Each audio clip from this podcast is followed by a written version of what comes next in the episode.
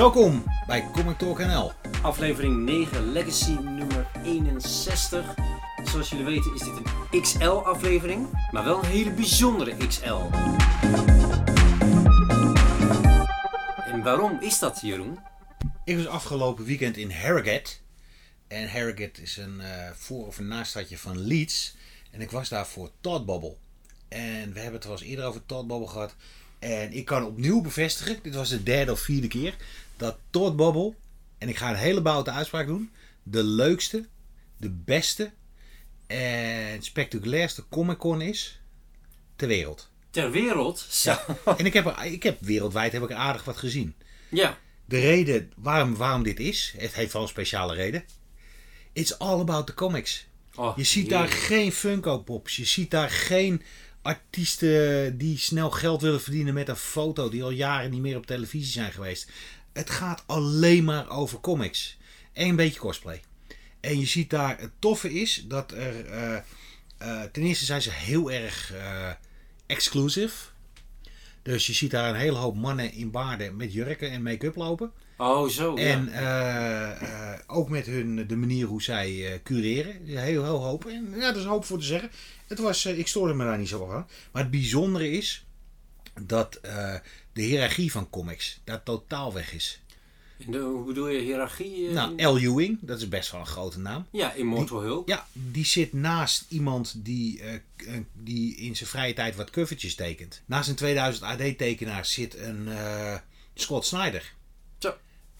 Iedereen, iedereen die is bij elkaar. We hebben, er, er is een panel waar David Aha, dat is hoe je zijn naam uitspreekt trouwens, dat heb ik gecheckt, zit samen met eh Raphaël Albuquerque, eh, Nick Brockenshire en een vrouw eh, die de covers doet voor eh, Dynamite, die eh, grote vrouw, eh, blote, half, half blote vrouwen. En Nick Brockenshire is van een duidelijk ander formaat, maar stond wel in het, panel. Ja, zo. En het is zo verschrikkelijk leuk. Eh, je kan er zoveel toffe dingen kopen, maar echt, echt hele toffe dingen. Niet dat je denkt van, eh, ja, eh, superheroes kan je er ook kopen. Maar als je echt op zoek gaat naar eh, speciale dingen die, eh, die, ja, die niet in de norm zijn. Hmm, Een hele hoop self-published. Oh, cool. Eh, een hele hoop eh, andere dingen. Het is een soort alsof je een heel goed gecureerde comicwinkel binnenloopt. Die alles doet behalve superheroes. Oh, Oké, dus ik hoef daar niet eh, te gaan zoeken voor oude Uncanny X-Men nummers. Nee, ja, er staan, staan ook wel meerdere stands met wat. Maar het, ja, het gaat gewoon, ik geloof dat ze meer dan 200 artiesten in totaal hebben. Wow. En van eh, verschillend allooi. Maar ook ja, dit jaar het toffe was, ik heb op jouw aanraden heb ik een Batman trade gekocht. Ja, de Black Mirror. En weet je waarom ik die kocht? Nou, Ik eh, stond te wachten op een interview. En opeens zie ik Scott Snyder op aan een tafel schuiven. En daar stonden drie mensen in de rij. Dus ik heb heel snel heb ik bij een steentje. Heb ik, die had eh, uitverkoop op eh, eh, de oude DC trades. Ik denk, wat Snyder getekend? Nee, die heb ik altijd, heb ik altijd. Black, ja, dat heeft me daar, daar is me daar Ja. het laaiend over. ja. Ik ben daar, ik heb hem daar gekocht. Ik heb vier minuten in de rij gestaan. Ik heb een heel leuk gesprekje met hem gehad. Zo. Hij was niet eh, bereikbaar voor interviews. Eh, hij was te druk voortaan eh, van tevoren afspreken. Maar ik moest. hij- aan het einde van het gesprek, weet je wat die man zegt? Nou, Thank you for supporting us. kijk, dat is Ik leuk. vertelde over de podcast en hij zei: Thank you for supporting us. Het deed hem zo. Hij zei dat er gewoon in Nederland mensen zijn die mijn boekjes lezen. En dat daar dus praten over een podcast in het Nederlands. Wat ik nooit ga luisteren omdat ik het niet begrijp. Hij zei: Hoe fantastisch is dat? Super humble man, heel aardig. Nou, leuk. Daarna ben ik een stukje verder gegaan. En daar was Jock. Zo. En eh, ik vertel Jock het verhaal, dat de dingen. En hij zegt, ja, eh, Scott is een aardige gozer. Hij zegt, nu wil je mijn handtekening zeker ook. Hij zegt, en eh, ik zeg, nou, dat zou heel tof zijn. Hij zegt, ja, hij zegt, nou, ik ben blij dat je niet om een tekening vraagt. Dus ik maak een tekeningetje voor je. Zo. Nou, tekeningetje. Hij heeft het eh bed-symbool heeft hij op een hele snelle manier gekrast. Maar ik heb wel Ja, nu een uh, gesierde trade paperback. Maar nu moet ik even een hele zure vraag stellen. Want Ja? ik heb natuurlijk eh, twee uur in de rij gestaan voor Kevin Eastman om vervolgens eh, per handtekening 15 euro neer te leggen. Moest jij, wat waren de prijzen daar voor een krabbeltje? Helemaal niks. nou, dat is niet helemaal waar. Want eh, ik eh, loop daar zo en ik weet dat eh, mijn allerbeste comicvriend mee daar gek van de Turtles is. Sowieso, ja, absoluut. En ik appte je. Oh joh, dat is een mooie tijd leven we toch ook hè? Ja. Dat- Jaren geleden moest je echt bellen of... Faxen. Ja, echt. Nou, wacht even, voor ik het verhaal vertel. Ik ben ooit mijn allereerste Comic Con, was een WizardCon. Wauw. En, Dat is eind jaren 90 dan. ja, nee, ik. nee, ik denk begin, mid, ja, achter, ik denk begin 2000. Ah, Oké. En eh, iedereen had wel een mobiele telefoon, maar waren van die grote. En eh, ik was eh, op Wizard World en daar was Derek Robertson. ja, van de Boys en Ja. Metro- Metropolitan. Ja. En een van mijn beste vrienden, Giel, die woonde in Bristol. En die eh, was helemaal fan van. eh, nee, het was trouwens omdat ik weet dat. Ik denk dat het twee, hal- hal- halverwege. Ik denk dat het 2006, 2007 was. Nou ja, toen was ongeveer de Boys eh, Ja, ja, net een jaartje aan de gang of zo. En die is heel groot, was heel grote Transmet fan. En die moest ik dus opbellen. Want hij was, hij was voor charity, was je het tekenen. En je kon je voor 75 dollar een originele tekening kon je krijgen op een originele comicplaat. Nou, dan moest je dus bellen van LA met de Nederlandse telefoon van LA naar eh, Bristol. Hij zei, ja, doe maar, doe maar, doe maar. En nu is het zo, eh, ja, nu is het zo, je drukt op een appje en twee minuten later eh, heb je bericht. Dus, lang verhaal kort. Ik appte mee daar om te zeggen van... hey, ze hebben hier speciale turtle variants, store variants. Liet een foto gezien. Mee daar zegt, kopen maar. Dat is een hele mooie koffer trouwens. Ja. Echt sch- geschilderd. ja, prachtig. Een beetje Gabriel Del Otto. Een Ja. beetje. Dus, ja. En die was 15, 16 pond. En ik eh, zeg tegen... eh, die man die zegt, nou, je kan hem hierna signeren, want ik heb hier de artist heb ik ook meegenomen. Ik loop de artist, oh leuk, wat doe je daar? En ik, ja, leuk, leuk, leuk, leuk. En hij zegt, ja, dat is een 16 pond. Ik zeg, eh, wat? ja. En het was geen grote naam natuurlijk. En het eh. was geen grote naam. Ja. Het is best wel goed. Maar gewoon echt 15 pond voor een boekje betalen. 15, 16, ik weet nog eens hoeveel. Laten we 15 pond voor een boekje Ja. betalen. En dan ook nog eens 15 pond voor een, voor een handtekening van een of andere no-no. Ja, de- voor mij was het niet waard. Ik ben Ik blij heb- dat je het niet hebt gedaan. Ik heb wel even geappt naar je. Zo van, ja, ik, ik zou dit niet doen. Eh, ik zou nog een interview met die eh, uitgever gaan doen. Ik denk, nou, de boom in met jou. Ik Ja. vind dat zo. Je krijgt dus van Snyder en Jock, krijg je dus, die zijn super blij dat jij dus daar aanwezig bent uit Amsterdam. En, of waar je ook vandaan komt. En eh, bedanken je en zijn eh, gratis een handtekening. En voor Ja. een of andere Pipo de Clown, die een turtle eh, schildert, 15 pond. Nou, ik ben van die Ja. bietenwagen niet afgevallen. Maar ongelooflijk, want ik denk dat die, die, die Turtleman, om hem even zo te noemen, op zo'n dag veel minder handtekeningverzoeken krijgt dan een, een, een, een Snyder of een Jock, lijkt mij. Dus dat denk ik, dan ga je voor die, nou zeg 100 handtekeningen ook. Nou, bedoel, Nou, 100 no way. Nou, ja. Ik denk dat helemaal niemand het deed. Ik heb Nee, voor die prijzen niet, nee. maar ik denk dat, eh, nou, het is, ja, het is ongelooflijk. eh. ja, ik heb hele toffe boeken gescoord. Ja. En een van de allertofste was... Ik ben fan van Roger Langridge. En Roger Langridge is een eh, Nieuw-Zeelandse tekenaar die in Engeland woont. En die heeft onder andere heeft die, de Muppets getekend heel veel. Oh ja, ja. En daar was ik heel erg gecharmeerd van. Hij heeft Bill en Ted heeft hij gedaan. En eh, elke keer als ik hem zie, vraag ik om hij, of hij een tekening om een blank variant variant te maken.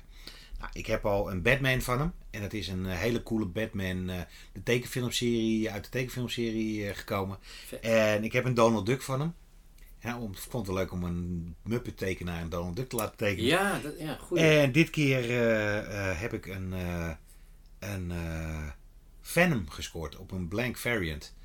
En ja, het is een beetje een. een eh, hij, hij is op het spectrum, denk ik. oh, Het is heel moeilijk om contact met hem te krijgen. Ik liet hem zien. Ja, ik, elk jaar, al, elke keer als ik je zie, dan eh vraag ik, oh leuk, leuk, leuk. Maar hij heeft eh, echt, echt briljant. Hij heeft twee boeken zelf gepublished. Hele dikke pockets, hardcovers. Hij is in eind 2019 is hij, begonnen met een, elke dag op Patreon een stripje te maken voor, voor zijn fans.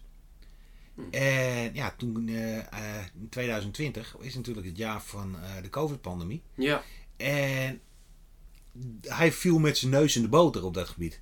Hij kon over, eh, eh, over dingen praten. eh, hij kon over. eh, en gewoon vier panels, heel simpel. Vier panels en dan vertelt hij een grapje. En dat slaat soms niet aan. Soms komt het aan als een mokerslag. Hm. Het is echt. Hij, er, komt een, eh, een van de panels die me echt Ik zou best origineel willen hebben. En ik, dat zeg ik niet vaak. Maar eh, hij maakt zich in één panel maakt zich erg boos dat, een, eh, dat hij gevraagd was door een filmmaatschappij die wat ontwerpen zouden willen hebben. Toen kreeg hij het tweede panel. Vertelde nou toen kreeg ik ze terug. En toen zeiden ze van ja, je stijl eh, past hier niet zo. En derde panel zegt hij ja, ze hebben van tevoren toch geweten wat mijn stijl is. Dat mag Nou, je hopen. Hij zegt gelukkig heb ik wat veld voor gehad. En zijn er eh, genoeg, andere, er zijn genoeg andere dingen waar je boos over kan maken. En het volgende panel was Black Lives Matters. en ik vond dat zo Dat krachtig. ja, mooie transitie. Nou, en dat Ja. doet hij, maar hij doet ook heel erg leuk met zijn familie. Hij heeft een dochter van 17 en een zoon van 14. Eh, social distancing gaat het over. Het, gaat, het is zo verschrikkelijk leuk. Ik heb beide boeken gekocht. Ja, te gek. Dat was echt iets, eh, ja, dat was echt mijn find. En ik heb eh, de, de History of Ghost, UFO's en Filmmaking. Oh, Dat ja. zijn prenten, verhaalboeken. Op een hele leuke manier wordt de geschiedenis van al die dingen uitgelegd. Ja, en een hele hoop independence. Dus ik heb echt een hele hoop gekocht. Maar het is niet het enige wat ik heb gedaan. Wat heb je nog meer gedaan? Ik heb maar liefst negen mensen geïnterviewd. Zo, Zo oké. eh, dat is een, druk programma. En niet de minste. Vertel. Nee, dat vertellen we straks. Oh, Met de reden dat je ze in deze aflevering allemaal gaat horen. En denk ik 45 minuten aan eh, toptalent. Die ik op een kon. Dus met achtergrondgeluiden. Maar volgens mij eh, best leuke namen. En eh, twee mensen waar ik echt heel erg blij van werd. Maar daar hebben we het straks over. Oké, want mee daar. Wat moet jij hebben deze week?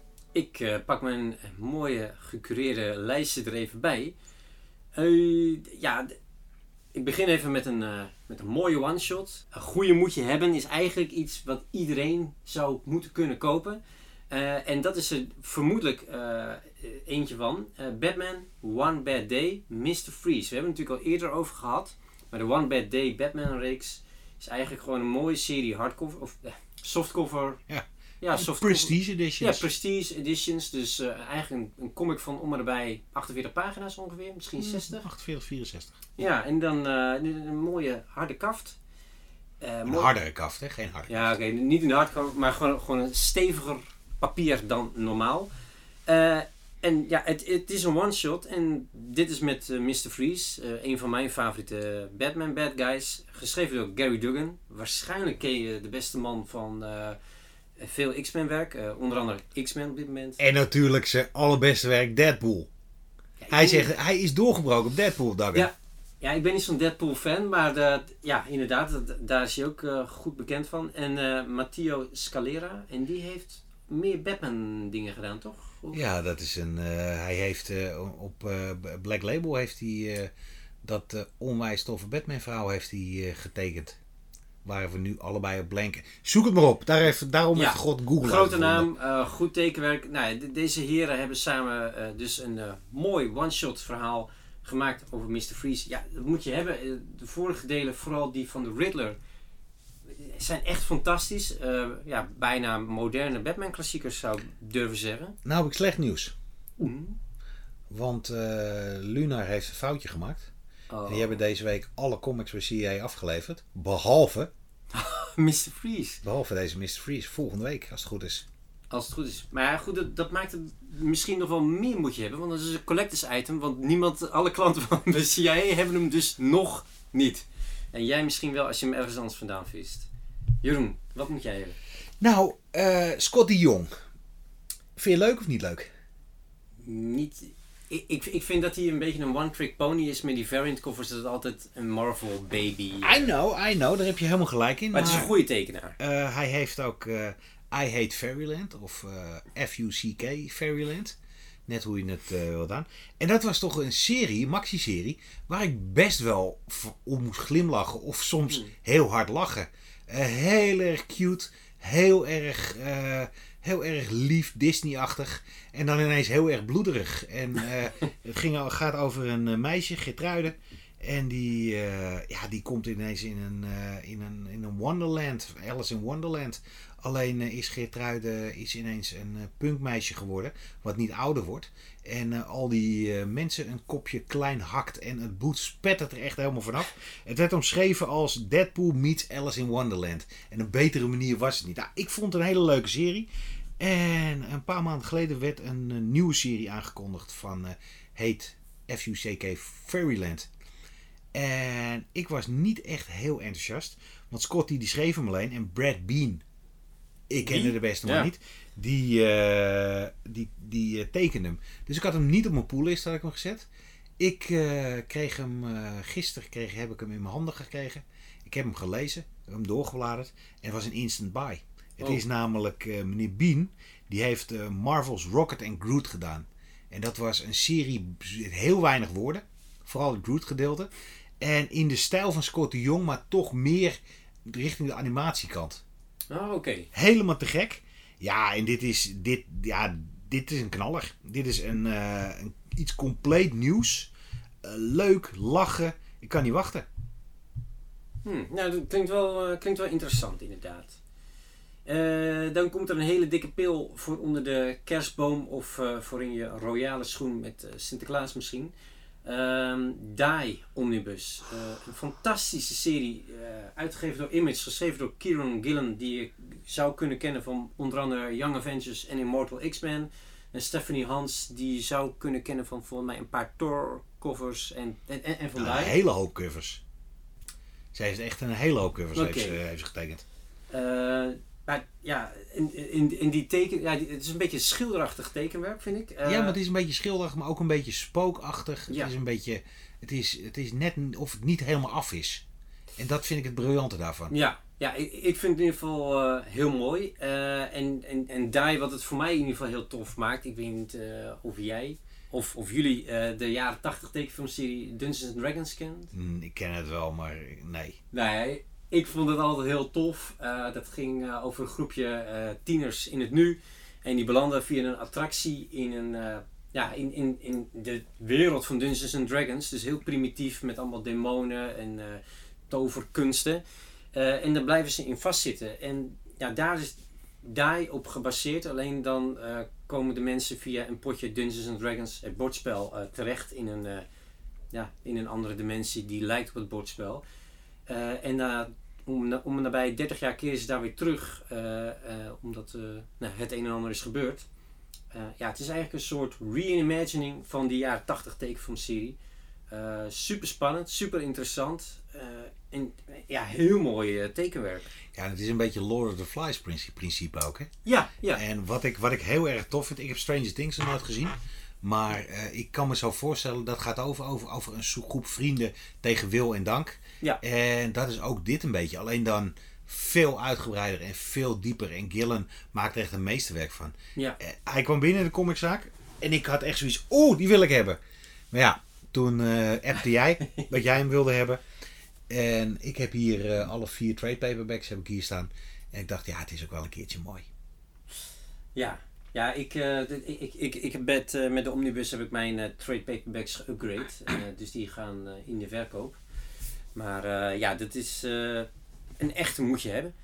Jeroen, Ja, ik heb iets heel bijzonders met haar. Heb je wel eens van Chroma gehoord?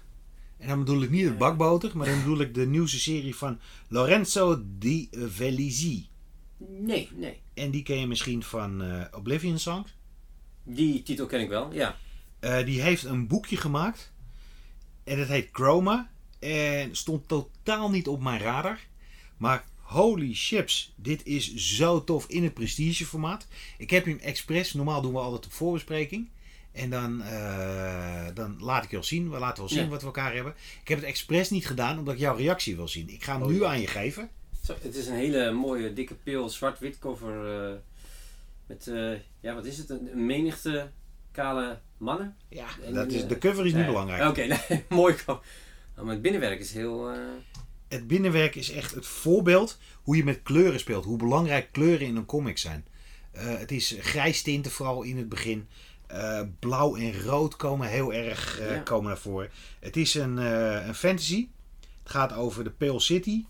En Chroma is, de, denken de bewoners, het meest evil wezen wat ooit bestaan heeft.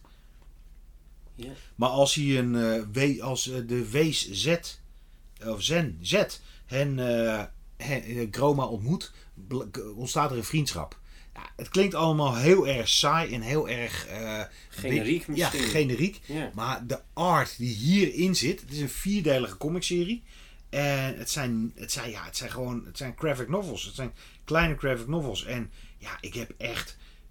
Ik heb tijd geleden dat er zo goed met kleur omgegaan werd. Ja, het ziet er heel mooi uit. Dat doet me ook een beetje denken aan, eh, aan, aan de Goon. Qua tekenwerk. Ja? Niet qua, ja, een beetje half cartoony, gedetailleerd. eh, ja, ik, eh, Het deed mij een beetje denken aan Charlie Adler. Als ik een, eh, als ik een pagina Oh, ja. zie. ja, daar heeft ook eh, zeker wel wat van weg. Het, het ziet er heel verzorgd uit, zeker. Maar het is ook een compleet eigen stijl. Die, die een beetje in, een beetje inhoudt. Die een beetje in het, in het midden blijft van Amerikaans en Europees. Ja, ja. Dus ja, ik, eh, ik was echt. Ik was zeer onder de indruk. Dus. is, het eh, een, eh, is het een ongoing? nee, het is vier deeltjes. Oké. En met 8 euro, 8 dollar per deel aan de prijs. Ja, maar, het- maar het is wel een Maar- hele mooie uitgave. Ja, maar Dus- 8 heb je 32 dollar uitgegeven. En het trade paperbackje gaat waarschijnlijk 20 kosten. Dus doe de math. Ik eh, vond hem in ieder geval eh, de moeite waard. Ja. Heb jij deze week eh, voor de verandering eens wat gelezen? Jazeker. Eh het is volgens mij een titel waar we allebei erg nieuwsgierig naar waren.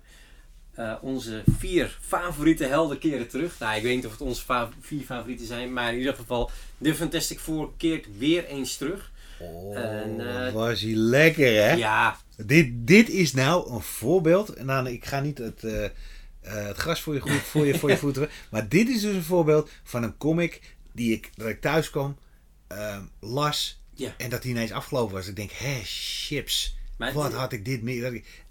Ja, ik ben heel benieuwd wat je vindt. Ik ga straks vertellen wat ik jammer vond. Ja, nou, eh, het, het, het toffe vond ik eh, aan dit nummer is dat het een heel, ja, hoe zeg je het, compact verhaal is. Dus je krijgt op drie pagina's na krijg je een compleet verhaal met begin, midden en eind. Het is eh, enigszins een traditioneel Fantastic Four verhaal, omdat het een beetje science fiction heeft, een beetje van wat gebeurt hier. Eh, behalve dat eh, drie vierde van de Fantastic Four er niet in zit. Uh, maar ik verwacht dat uh, de aankomende delen steeds een, ja, een, hoofdrol geeft aan een van de vier. En in deel 5 of zo komen ze allemaal bij elkaar. Geschreven door Ryan North. Uh, een, een, hele scherpe schrijver, maar die vooral bekend is door zijn comedy van Adventure Time maar en ook Squirrel een, Girl. Ja, maar ook een beetje een schrijver die bekend staat om een beetje, een beetje die kiddie-achtige kant. Ja, ja, hij heeft Toch? ook heel veel uh, all ages comics geschreven, maar die waren nooit kinderachtig. Wel Nee, maar wel kiddie. kiddie, maar niet, Nee. niet zeg maar te simpel. Er waren, dus, uh, ik, het enige nadeel vond ik is het tekenwerk van Iben Ja? Coelho. Ik vond het niet zo bijzonder. Het is niet slecht, maar ik, ik had, dit had een betere tekenaar verdiend. Nou, ik, Vond vind, ik, ik, vond de eh, tekenstijl eh, vond ik erg passen bij de comic. Ik had eh, twee andere eh cripes. Ja, ik had er maar liefst twee. Ten, ik vond hem fantastisch. Maar het voelde niet als een nummer 1 van de Fantastic Four. Het voelde nummer 1 van de Thing. Ja. Omdat de anderen er niet in komen. En het verhaal vond ik helemaal te gek. Goede karakterverlopen. eh, mooi getekend. Maar ik had echt zoiets van, oké. En dan het einde. En ik, we, gaan hem niet, we gaan hem niet verklappen. Ook al is hij al een week oud. Maar het einde is weer zo'n reveal. Dat ik denk, ja, dat heb ik in een andere comic een paar maanden geleden ook gelezen. En dit vind ik niet tof. Nee. Dat Nou, je weer een hele hoop moet raden. En nou, ik ben, eh, ik ben heel erg benieuwd naar nummer 2. Ja, nou ik vond die. Ik, ga niet in op de inhoud, maar op het einde kom je erachter dat er een soort tijdsprong is gemaakt. En dat er allemaal dingen zijn gebeurd die jij als lezer nog niet weet. Zo, dus eh, ga je wel gewoon spoilen. Ja, maar je weet niet wat ik, waar ik het over heb. Nee, je zegt een tijdsprong. Ja. Ik, zit helemaal, ik zit helemaal uit te zoeken van... Nee, ik ga niet spoilen. Ja, maar, afijn. Eh, jongens, dat klachten, et mij daar. Ja, ik, ik vind dat geen spoiler. Hebben- Nee, ach. nee, maar je weet niet wa- wa- wat die tijdsprong laat zien. Dus Maar je kan het wel een beetje raden nu naar aanleiding wat... Maar je weet je, Nou ja, forget ik- it. Jongens, ik bied mijn excuus aan. En mij daar dat bied. volgende week waarschijnlijk ook. Als we Eh, alle boze brieven krijgen. ja, en dat, dat hebben we natuurlijk onlangs ook gezien in Spider-Man. En eh, ja, ik, ik, ik vind het niet erg, maar ik had wel zoiets van: hé, hey, dit hebben we eerder gezien. Zet die spoiler hoofd. Je, echt, ik zweer het je. Ik zit dus heel, heel erg naar mijn woorden te zoeken. Zo van, ja, bij een andere Marvel-serie. En jij gaat het nu helemaal. Dat is- Pok. Ik zweer je, die haatmail die je krijgt, ik stuur het gewoon door, hè. Maar niemand weet wat er gebeurt. Nee, maar... Nou ja, dus, ehm, en, en, en dat omdat er dus in Amazing Spider-Man, ik zeg het gewoon, eh, ook eh, die verhaaltactiek of techniek is gebruikt. voelt het een beetje van, hmm. Maar aan de andere kant, ik hou wel van die, van die mysteries. En eh, ik, ik had er in ieder geval geen probleem mee. Nou, ik, ik had echt zoiets van... Waar ik niet, wat ik niet, waar ik niet meh van deed, maar waar ik wel woehoe van deed, was een DC-comic. Hmm. En dat doe ik niet vaak. Met Batman. Met, Of- nee, met Superman. Oh, kijk, die andere. De Death of Superman, de 30th Anniversary Special. Ik weet nog 30 jaar geleden wat voor ding het was toen Doomsday Batman tussen aanhalingstekens air quotes doodmaakte. Ja. Die cover die eruit kwam, eh de speciale rouwband. eh, ik was een zakker en ik eh, kocht het allemaal. Ik heb hem een paar jaar geleden heb ik hem opnieuw herlezen, die serie, de Death of Superman en The World Without Superman. De, de, de tand destijds is die niet goed doorstaan. Superman met een mat is nog steeds een, eh, een no-go. maar om, eh, om de, de dood van Superman te vieren, heeft eh, DC een, eh, een mooi boekje uitgegeven. Ook weer prestige format. Lekker dik, een uitklapcover. Eh, ja, hartstikke tof. Eh, ik dacht dat het om een reprint ging. Die verscheen overigens ook. Ik heb nou ook weer de reprint heb ik, eh, heb ik gekocht. Maar eh, dit is een, eh, ja, dit is een, een, een, een soort anthology. Maar dan over de dood van Superman. Hartstikke leuk. Maar, wat denk je van? Geschreven door Dan Jurgens, Jerry Ordway, Roger Stern, Louis, Louis Simon, Simonson. Ja, gewoon de schrijvers van destijds, toch? Getekend door Brad Breeding, Breeding Brad Anderson, die heeft de kleuren gedaan. Vet. Tom Crummett, daar werd ik heel blij van. Dat vond ik zo'n vette Superman tekenaar. Eh Butch Guys, Butchkies, Ja, Gies. ik, het, is, het is een hele vreemde naam, vind ik. eh. Ja, maar wel super oldschool. En John Bogdanove. Die heeft Steel heeft gedaan. Steel gaat weer een hele belangrijke, een belangrijke rol innemen in de toekomst van DC. Ja, en met pin-ups van eh Clayman, Lee Weeks, Walter Simonson en eh, Laura Martin, Fabio Moon, Bill Sienkiewicz, Gabriel Rodriguez, Jamel Campbell, Carmine Di Gianni, nou whatever, en Cully Hammer. Het is een mooie lijn. Het is echt een, het is een heel leuk boekje. 10,99 flink aan de prijs. Maar eh, ja, Maar je ziet er wel vanaf, vind ik. elke euro waard. Het is Ja. echt, heb jij de dood van Superman meegemaakt, dan is dit een heel mooi boekje om nog eh, die oude trade paperbacks of die oude comics nog een keer eh, van stal te halen. Denk jij, net als John Kent, die hier weer heel jong is, hè? Maar is Superman nooit dood gegaan? Dan eh, kan je dit ook weer kijken. Zou ik wel eventjes die eh, facsimile editie eh, van de derde of Superman er ook was. Die trouwens, ik was compleet vergeten. Die allemaal in één pagina. eh, eh, één pagina's verhaal werd verteld. Oh, allemaal werd geen- pages ja, ja. eigenlijk. Oh, maar wauw. express page van een pagina. Vet. Ik vond hem echt fantastisch. Cool. Eh, ja, dan heb ik een, eh, een, comic waarvan ik eh, denk niet dat iemand dacht, die wordt hier besproken. Maar ik was een beetje bezig met mijn digitale Marvel achterstand. En toen kwam ik op New Mutants, nummer 31 van de huidige serie. Dus dat is volume 4, 5, eh, noem maar op. En ja, New Mutants is al de laatste jaren wel een beetje een B-titel geworden net niet echt, net niet een goede schrijver, net niet een goede tekenaar. Eh, het, het heeft nu een nieuw team makers gekregen, namelijk Charlie Dane Andere. Wie kent het niet? Nee, wel eh, Hugo Award eh, en Nebula Award winnaar, maar ja, voor mij voor, haar, haar of zijn comic debuut is dit. En getekend door Alberto Albuquerque. Niet te verwarren met een andere Albuquerque. Ehm, ja, de makers zijn het voor mij in ieder geval allebei net niet. Eh, er wordt op de, de cover eh, grote poeha gemaakt eh, dat es, Escape es? Nee, Escapedy. ja, die, We noemen hem gewoon zo. die, ehm, die maakt haar debuut in New Mutants.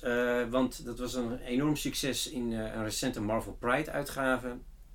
Dus ja, en het is een, een mutant die soort van eh, tijdelijk lichaam kan verwisselen met andere mensen en mutanten. Eh, ja, ik weet, dit nummer was gewoon net niet. Ik vond het leuk dat ze een oude eh, Grant Morrison schurk weer af hadden gestoft. waarvan je dacht van, hé, maar die was toch een paar jaar geleden dood. Of hij was een virus geworden en, en toen weer dood. Nou ja, die heeft weer een lichaam en... eh, Lekker duidelijk voor mensen die nooit Ja. X-Men lezen. Nou ja, maar ik bedoel, maar dit geeft aan hoe, hoe, hoe lekker toegankelijk dit is. Want je moet eigenlijk wel een beetje je X-Men geschiedenis eh, kennen. Eh, het leukste vond ik dat eh, Martha, ik weet niet of je haar nog kent, ze heette No Girl tijdens die Grant Morrison Nee. Dat was eh, ja, eigenlijk een, een, een- zwevend eh, hersenstel. Oh joh. In, in Ja. zo'n glazen Ja. koepel. Nou, die heeft een, een lichaam gekregen met de dank aan eh, ja, de Krakau-technieken. En die is heel blij dat ze een lichaam heeft, want ze kan nu ruiken, voelen, horen, ook praten. Dat kon ze allemaal niet. Ik denk, ja, had die dan de hoofdrol gegeven? Want dat is best een interessant concept. Maar, Weet je wat ik heel bijzonder vind met haar? nou, Zolang ik je al ken. Nou, dat is overdreven. Maar ik ken je de hele tijd hoor ik je over eh, New Mutants. Ja. hoor- weet je, je zegt altijd van, nou, dit is het niet. Maar je koopt hem elke maand. I know. Waarom? Komt er niet, niet een moment dat je denkt, nou, dit, dit is gewoon... Ja, Ik ben zo teleurgesteld. Laat me hangen. Ik ga een andere... Er zijn zoveel toffe andere series. Ja, nee, dat, dat is wel. eh, na het lezen van dit nummer dacht ik, eh, ik, ik ga hier waarschijnlijk wel de stekker uittrekken. Ja, Ik heb gewoon. Ik hou heel erg van die jaren 80 Claremont run. Dat vind ik echt klassieker. En dan hoop je gewoon dat die magie ooit weer terugkomt. Eh Zeb Wells heeft een goede run gehad. Maar het is alweer 2009. Dus, Ja, daarom.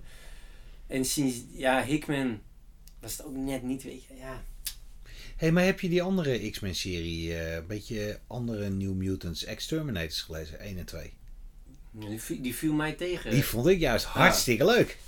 Vond ik lekker modern, lekker eh, mooi getekend ook. ja, dat, ja eh, dat, dat teken ik vond heel cool. Ja. ja dat, daar werd ik heel blij van. Maar ja, weet je, Ja, nee, er zijn eigenlijk te veel, eh, te- veel X-titels om, eh, om eh, middelmatig te blijven lezen. Dus New Mutants, eh afrader. dat, mijn, wat heb ik gelezen afgelopen week? van de week, durf ik durf te zeggen. Is een beetje false advertising. Want in de previews eh, werd, die werd Soldier Stories aangekondigd. Met een eh, Bill Tushy voorkant. Met een schietende Amerikaanse soldaat. En een, eh, een Duitsers die neerviel in de sneeuw. Ik dacht gelijk dat dat is in het einde van de Tweede Wereldoorlog in België. Is dat die grote slag geweest. En toen kreeg ik het boekje. En toen ging ik bladeren. En ik denk, hè?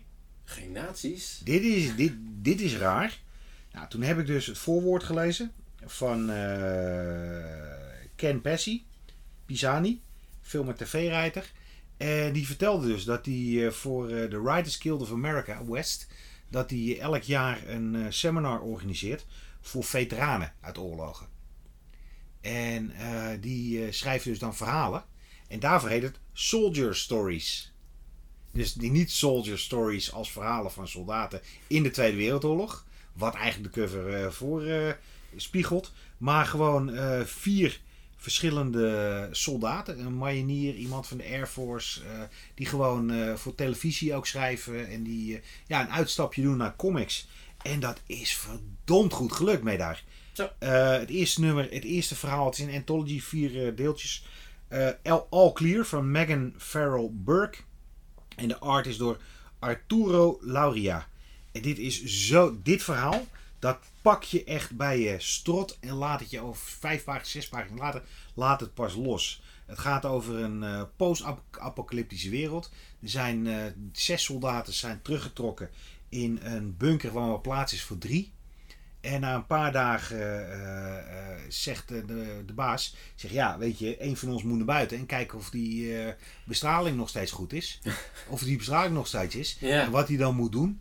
Eh, er is één iemand, de allersterkste, wordt uitgekozen tegen, tegen zijn wil in. Om naar buiten te gaan met een, met een isolatiepak. En elke keer moet hij één stuk van die isolatiepak moet hij afdoen. Dus de eerste keer zijn laarzen, dan zijn broek. En op die manier weet dus degene die eh, met hem mee om te controleren is. Als hij doodgaat, ja, dan is er nog te veel radiatie. En dan hebben ze dus het beste, in het beste geval is er één iemand minder.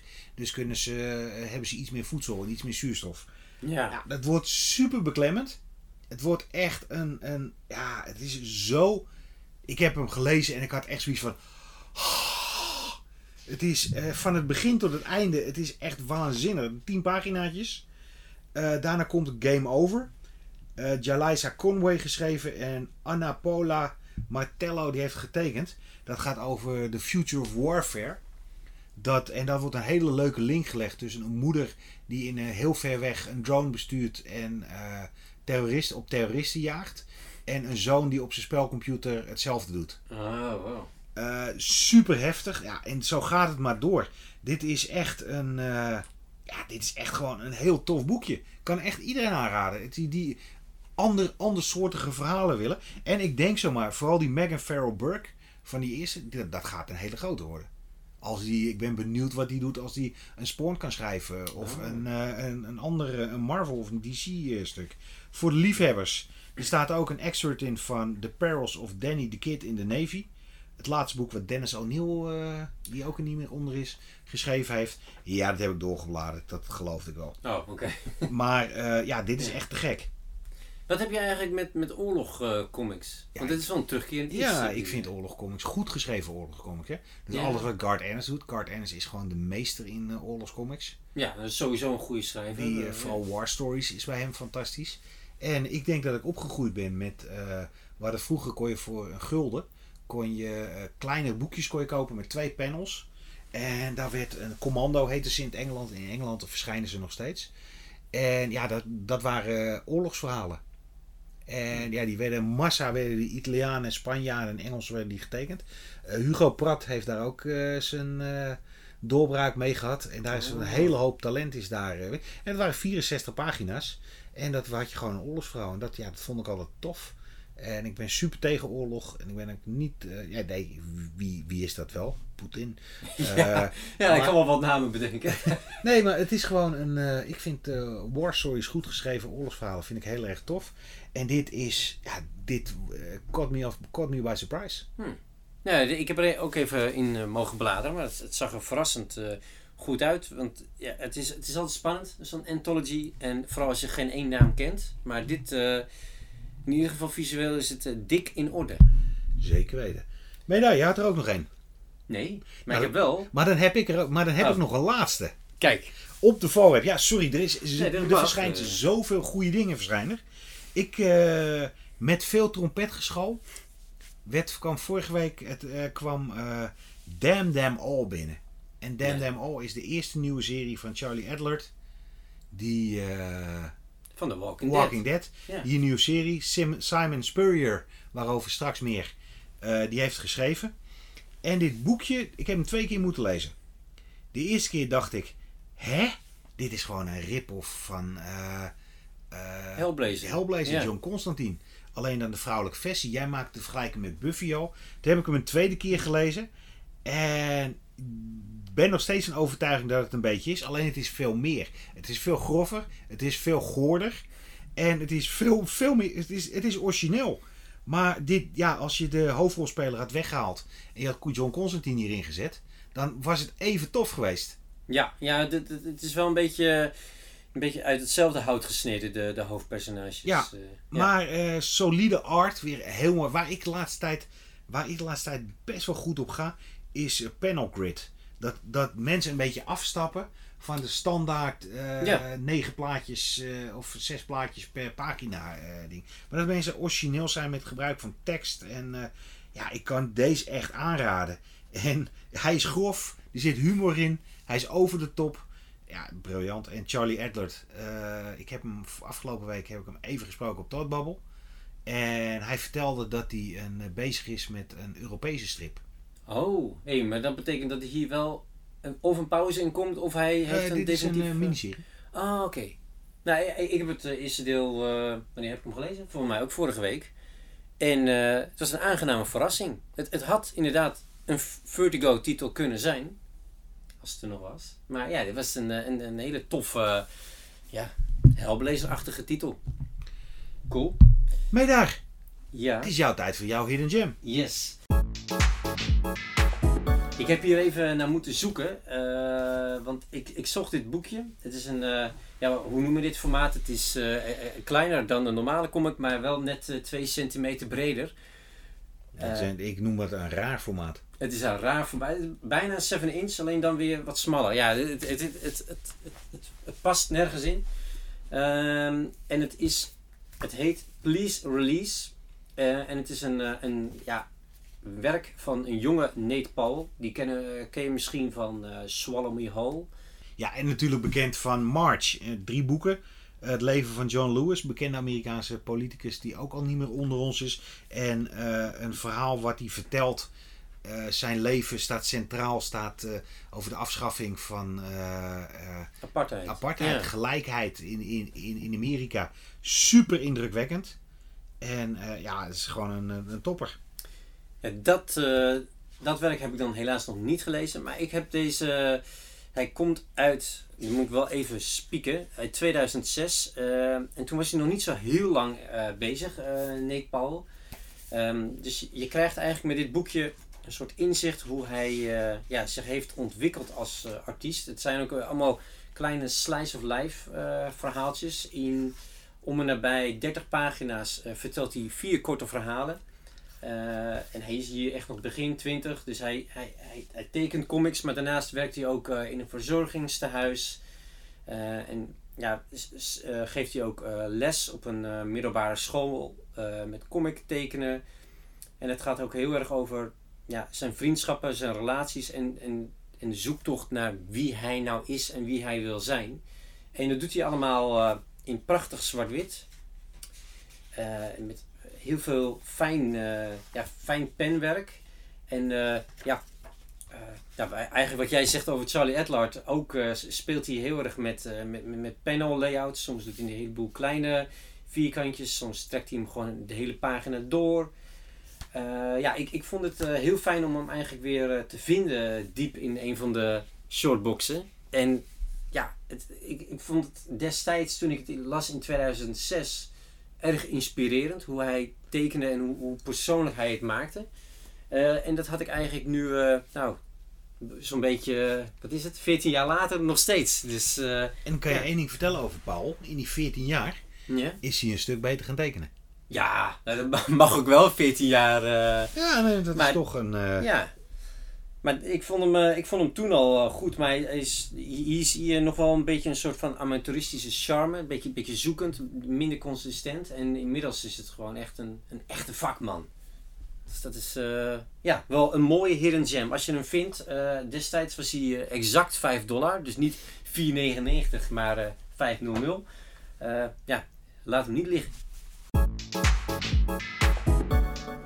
Nou, dat was hem.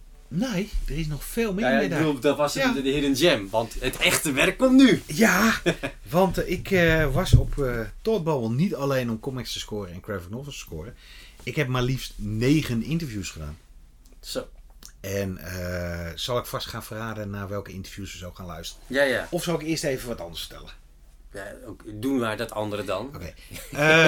Alle interviews die gedaan zijn variëren van drie tot vier minuten tot een kwartier. Eh, op een Comic Con eh, is het best wel moeilijk interviewen, omdat er mensen om je heen zijn, eh geschreeuw, dus je hoort ook wat achtergrondgeluiden. Maar iedereen, bijna iedereen, had er zin in. En ik ga, niet vertellen, ik, vertel- ik ga niet vertellen wie niet, maar ik denk dat je dat er wel kan horen. Ja, het was echt super, was echt super tof. En ja, ik heb echt, ik heb, ik heb een fanboy momentje gehad. Want ik heb niemand minder dan Sean Phillips mogen interviewen. Zo. En eh, daar zit een klein verhaaltje bij. Je gaat er straks luisteren. Eh, Jacob Phillips, de zoon van de Texas Blood. En van Newburn. Newburn. Die was daar ook. En eh, ik denk, nou, dan begin ik met hem. En Charlie, Sean, die bemoeit zich op een bepaald moment met het interview. En dus aan het einde van Jacob zeg ik tegen Sean, mag ik ook jouw interview? Hij zei, ja hoor. Hij zegt, ik zit aan de andere kant, ik loop wel even met je mee. Dus hebben we tegen een muur, toen heb ik tien minuten eerst aan fanboyen. Hoe te gek wij eh, in de comic... eh. Comic Talk NL eh, Reckless vonden en zijn andere werk. En daarna een interview met hem gehad. En dat vond hij hartstikke tof. En daarna nog staan fanboyen over films waar hij wel of niet... Hij heeft een hele hoop off the record heeft hij verteld. Dus dat was, eh, dat was erg tof. Dus ik heb gesproken met Jacob Phillips, Sean Phillips, John Lees en McCormick, de, de tekenaars en de schrijvers van Crimson Cage, een AWA Upshot serie- miniserie die worstelen met horror en eh, Shakespeare, eh, Hamlet eh, combineerde. Echt een briljante serie, hele leuke gasten. Ik heb Casper Wijngaard van Homesick Pilots heb ik geïnterviewd. En ondanks zijn naam is hij niet Nederlands. Hè? Het Oh, dat dacht ik altijd. ja, nee, nee, nee. Oh. Het Nederlands voorouders. Eh Cy Spurrier. En dat was de, natuurlijk de schrijver van uh, onderhand uh, Damn Damn All. Maar hij heeft heel over Vertigo gedaan. Hij heeft laatst, deze week, heeft volgende week, of deze week, schrijft hij een Batman verhaal. Hele grote Britse tekenaar. Uh, Step by Bloody Step heeft hij ook gedaan. Ja, en Way of X bij Marvel. En, Way of X. Legion. Maar Step by Bloody Step was natuurlijk een verhaal zonder woorden. Ja, en hij gaat in het interview gaat hij eh, wat dieper in op uh, dat proces, hoe het gemaakt heeft. En ik stel hem de vraag over uh, Damn Them All, dat ik toch erg veel op Hellblazer vond lijken. Verrassend antwoord gaf hij. Hmm. de in Nederland, ooit in Nederland wonende Christian Carn Carnouche. Christian is een schrijver en een creator van Carnouche Productions. En ja, dit is echt een voorbeeld van iemand die uh, heel erg hard aan de weg timmert. Nog niet zijn grote doorbraak heeft uh, gehad, maar wel genoeg een goede schrijver. Uh, self-publishing. Hij heeft er altijd hele leuke tekena tekenaars weet hij erbij te vinden. die man die moet ontdekt worden. Dat is een, ja, dat is gewoon, het is niet eens een aardige gozer, maar ja, zijn schrijfwerk is ook gewoon heel erg goed.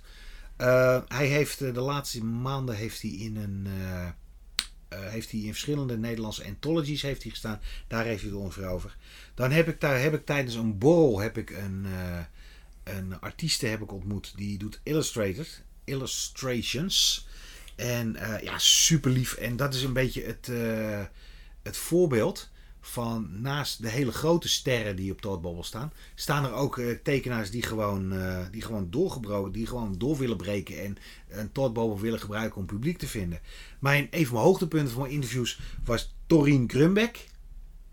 En dan zeg jij van. Ja, ik. Uh, geen idee. Nou, Torun Grumbeck is op dit moment een van de rising stars op, uh, in comicgebied. En vooral bij Marvel. Zij heeft uh, die Valkyrie-serie heeft ze van L. Ewing en Jason Aaron overgenomen. Mm -hmm. Die was zo goed bevallen. Toen is ze naar. toen is ze naar, moet ik even heel goed denken. Toen is ze naar de andere Valkyrie-serie, miniseries gegaan. Ze heeft een Jane Foster miniserie gedaan. Ze heeft daar tussendoor heeft ze Warhammer. Een Warhammer miniserie uh, heeft ze geschreven. ze doet een Dead Dealer one shot bij Opus. En zij gaat binnenkort gaat zij een story arc, een best wel een hele grote story arc van Thor gaat ze doen. En ze heeft nog twee andere projecten verteld, off the record, die Marvel nog niet bekend heeft gemaakt. Maar de, waar ook echt hele grote, grote namen zijn. En Torin Grunbeck is, komt uit Denemarken geloof ik. En uh, ja, dit is echt een, uh, een up-and-comer. Hmm. Echt een, uh, een, een heel, heel, leuk mens ook. En als laatste vriend van de show Nick Brockenshire. En Nick Brockenshire die komt in december met een nieuwe serie. En daar gaat hij over praten. Spannend. En waar, waarvan kennen we hem ook weer? 2000 AD toch? 2000 AD, ja, okay. Amelia Cole. hij heeft een hele hoop Star Wars Adventures heeft hij getekend. ja. ja. eigenlijk ook een, ook een best versatile tekenaar. Dus ik zou zeggen, doe je riem vast. En de komende drie kwartier hoor je alle interviews die ik deed. Hello Jacob. Hi. Uh, tell us where we are. Uh, well, currently sat in uh, the Bubble Boy Hall of Thought Bubble in Harrogate. And uh, you're a comic book artist. For those who not, uh, those who do not know you, uh, tell us a little bit more about how you get how, how you started and until that Texas Blood. Um, so I started off doing, I was doing freelance illustration rather than comic books. Um, I was picking up doing, writers would come to me with like a pitch idea and ask me to pay me to do 10 page pitch. Um, and uh, so I just took it as an illustration job thinking it would never, nothing would ever come of it. And then that Texas Blood got picked up by Image, so I was like, oh, now I have to start drawing comics. Um, so it wasn't at all what I was planning on doing. I was just doing an illustration, and I was colouring my dad's stuff on the side just as a as just an illustration kind of job. Um, and now here we are, like three years later, and I'm still doing Texas Blood and, and Newburn and colouring and everything. And yeah, Newburn was a big surprise. Yeah, it was something that was not in the comic market before. When you get a script like that, and because Texas Blood is something completely different, yeah. Uh, what are your first reactions? Do you go like, "Oh, that's new," or anything it was, strange? Yeah, it, no, I thought it was great because uh, the idea was that Chip asked me to do Newburn before I even before Texas Blood had even come out. So I've been working on it for ages.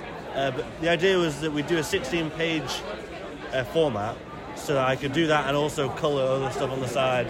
And, um, so it was great getting the first script and being like, oh, this is like, you know, it's a self-contained. Each issue is sort of a self-contained story, it all in 16 pages. So it was amazing to see like the economy of it. Um, yeah, it was great. And uh, how how is it uh, that you have a famous dad in the comic book world? Unfortunately, yeah. Is that a help or a hindrance? Oh, it's definitely definitely a help. What's that? Having a famous dad in the comic book world. I didn't have anything to do with him. Well, yeah, It means get- you know everybody. yeah, it means I know everybody, and I got to yeah color, you know, sort of make a slight name for myself before having a book out, which uh, doing the color work on his stuff. So that's you know, there's only a plus. Yeah, and the and the color work on your dad's stuff is amazing. Thank you, That's, thank uh, yeah. Um, one thing that amazed me the first time I read the Texas Blood, that There's it was drawn by somebody bottom who now, is so- not from America. Like Yeah, uh, I've never even been. I've, I've been to Texas once now, but at the time I'd never been to Texas. I, I think I don't think I'd been to America at that point when I started drawing it. Um, so I do a lot of driving around on Google Street View, trying to get an idea of the towns and the, and the places. Luckily, it's a fictional town, so it's uh, I can sort of make it up a bit, and it doesn't have to be completely real. So, um, but it's mostly just yeah, looking, googling, and taking bits that I want and me putting it putting it back together. So. So what's next for you? Are you st- you're obviously still happy with that Texas Blood Yeah. and Newburn new uh, story arcs coming out? Yeah, so I, I've just started inking the new issue of Newburn uh, this week, so that should be out probably early next year, maybe spring next year. Uh, and then I'm taking a bit of a break from Texas Blood, and we're coming back and we're doing a an Old West spin-off of Texas Blood. Um, so that should be quite fun. Lots of cowboys and shootouts and stuff. Uh, what are your ambitions? Are you want to do the uh, still the independent, uh, not the independent stuff because Image ain't independent anymore, but it's uh, more like the uh, in, yeah, the, independent Yeah, is probably yeah. the best word. Um, or do you want to do you see yourself over to cross over into superhero territory? I don't have any strong desire to go and draw a Batman book. You know, um, in terms, I'd like to do like a, a limited run, a self-contained, maybe like a black label thing. But I don't, I don't want to be, you know, the next Spider-Man artist for 50 issues or whatever. That doesn't really interest me. But yeah, doing like maybe like a one-off story or something like that. Yeah, like, that sounds cool. Well, thank you very much. Have a good con. Thank you very much. Thanks.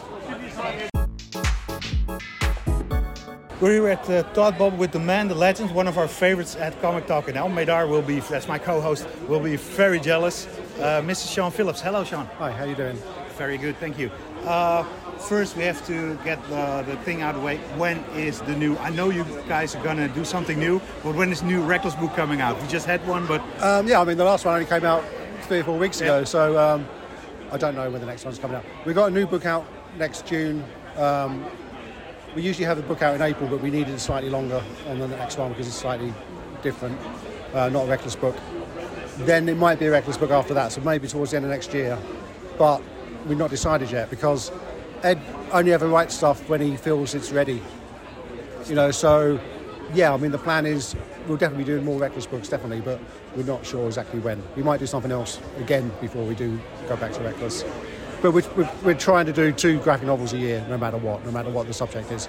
And we find that most of the people who buy our stuff don't will buy it anyway. It doesn't really matter what the book is, you know, um, which is great, you know. Um, so if you just say we've got a new book out.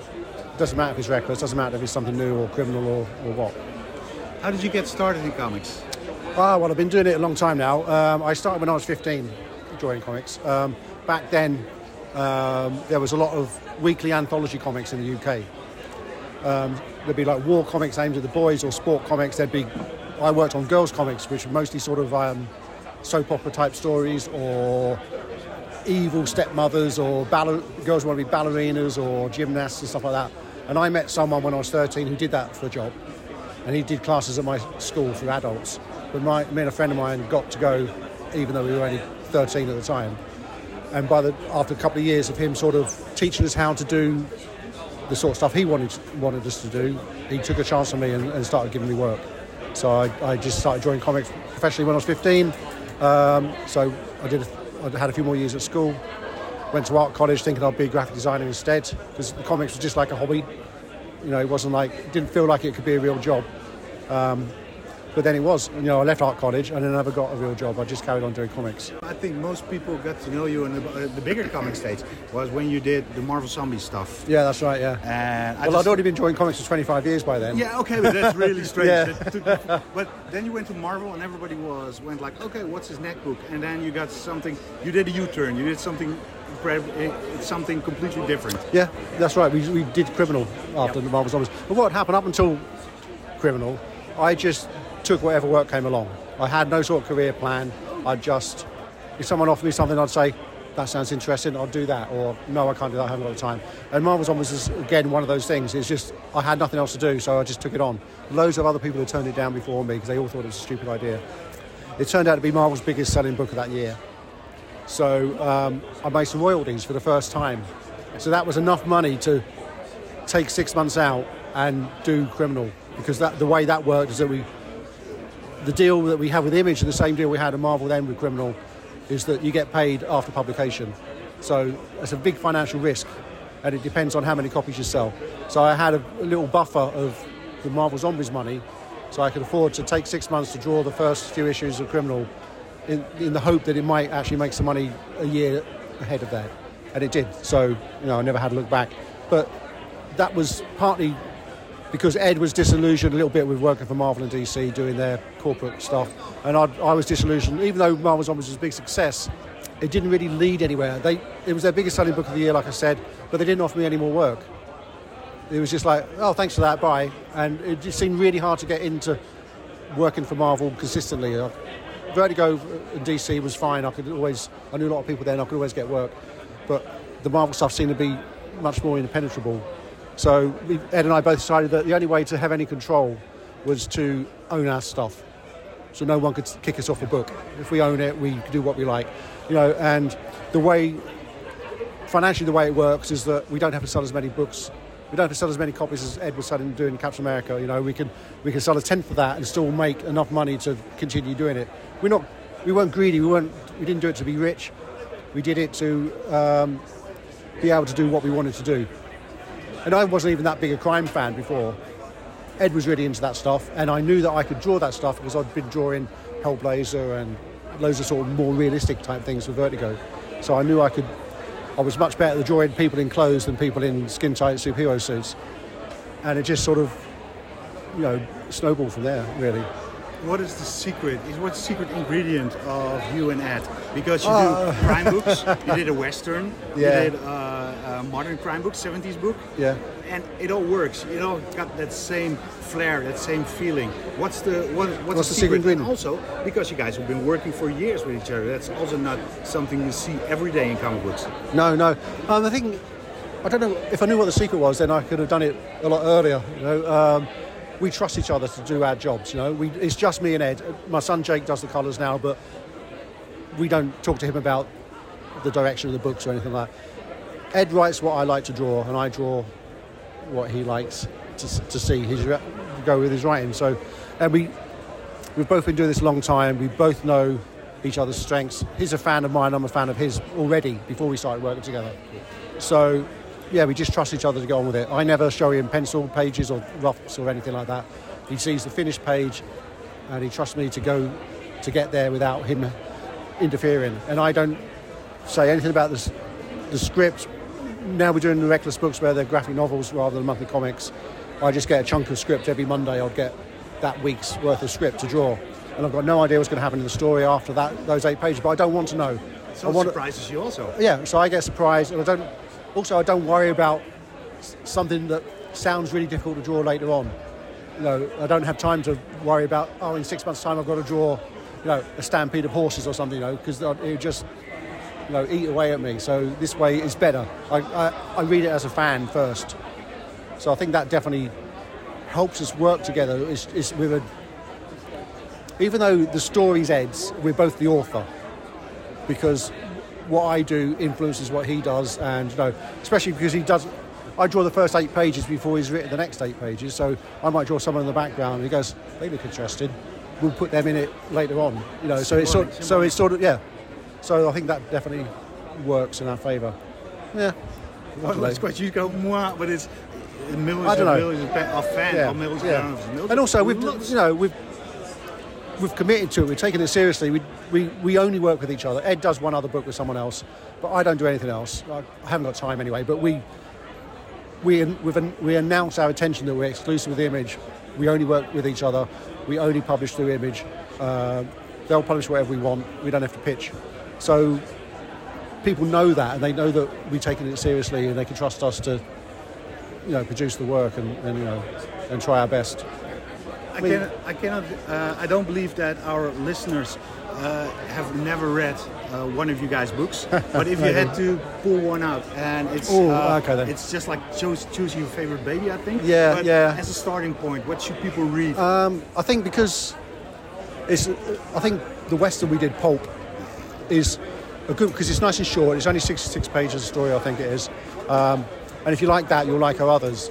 There's no point saying, oh, you should read Criminal, but there's been seven volumes of that, so that's a lot to take on, isn't it? If you don't, if you're not sure.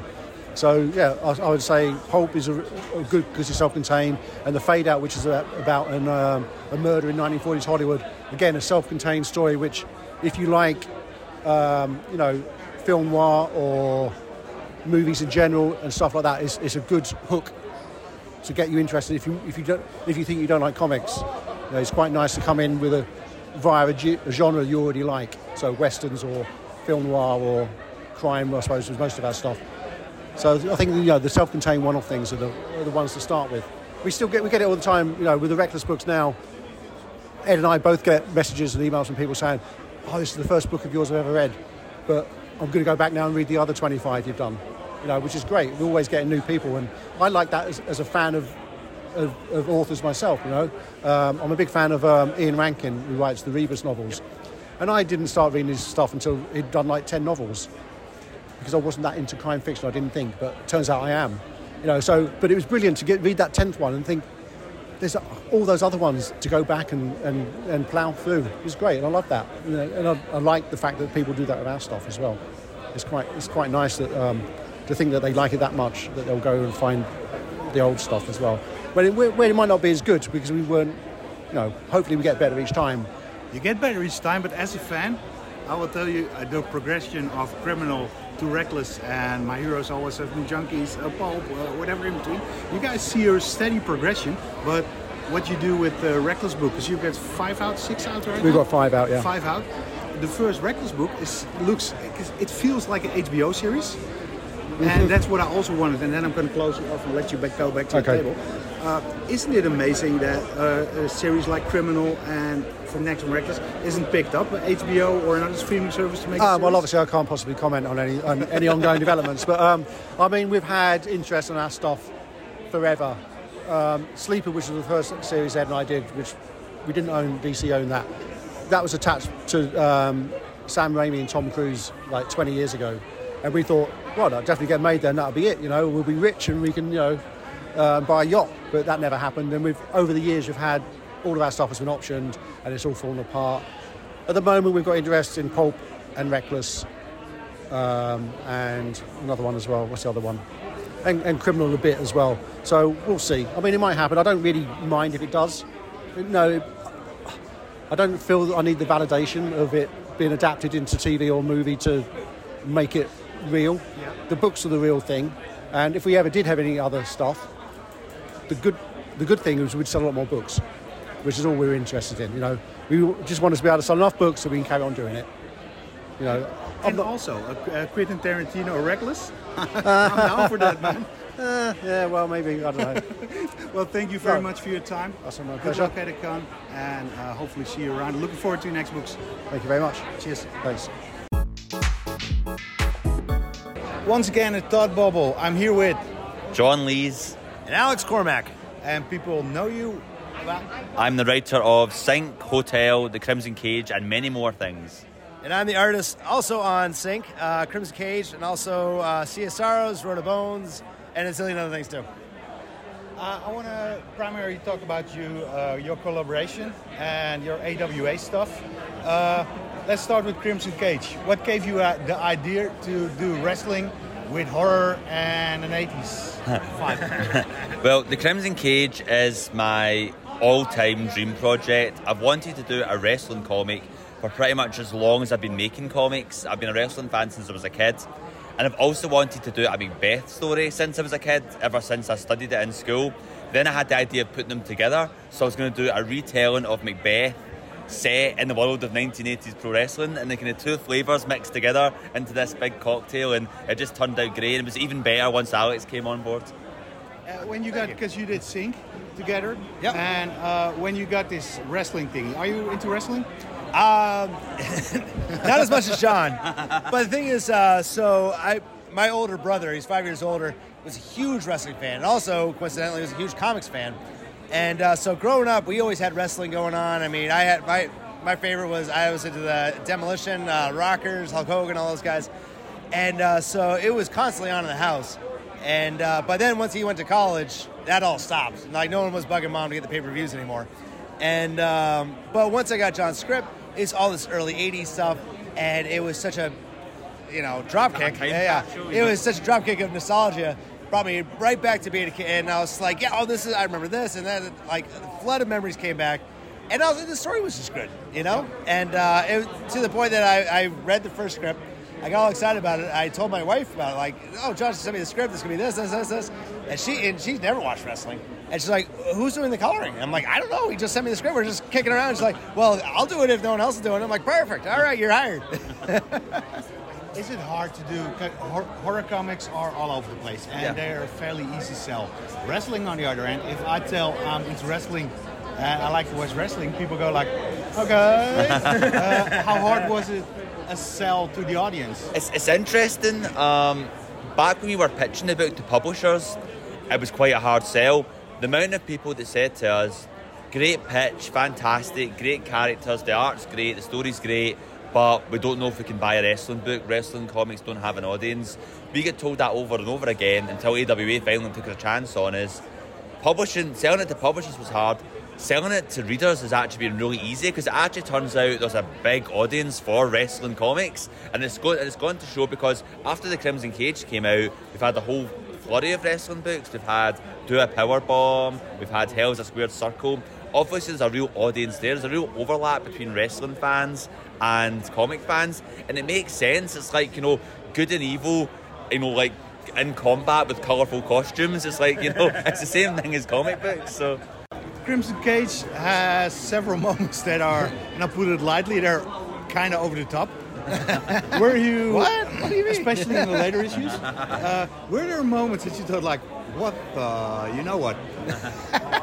Oh, John, it was I. Yeah, I was expecting some like what the hell, but uh, yeah, I mean a lot of parts with like the uh, the, the witches, the Bayou sisters, and all that, and uh, yeah, it's a couple. Of, like, but every time I get one of those, I'm excited because I'm like, oh, how am I gonna draw this? Here, let's see. Uh, like, This is do one of the fun things about working with Alex because we because we know each other so well, we try and one up each other. Yeah. But I, but I'll write something really gruesome to try and shock Alex, then Alex will try and draw it and add details that are even more horrible to try and shock me. Well, obviously you're from UK. I'm from Scotland, yes. Obviously you're from the states. Yep. How does that work? Um, the wonders of the internet. like, Email, Twitter, and all that. Yeah. Yeah, like the funny thing is, like, obviously we live the other side of the Atlantic Ocean from each other. So I talk more to Alex than I do to um, like actual like in-person friends that are from Scotland. Like pretty much every day we're talking. Either it's like Alex sending me pages saying. Um, here's the latest page I'm working on, or we'll just like make small talk, like how are things going, like you know, you're looking forward to the next convention. So Alex has become one of my best friends. So like that's one of the wonders of the internet. You can make these connections with people all over the world through the shared interest of comics. And now you're obliged to say that's the same year. Yeah, yeah. I, I, I suppose. Yeah. I guess.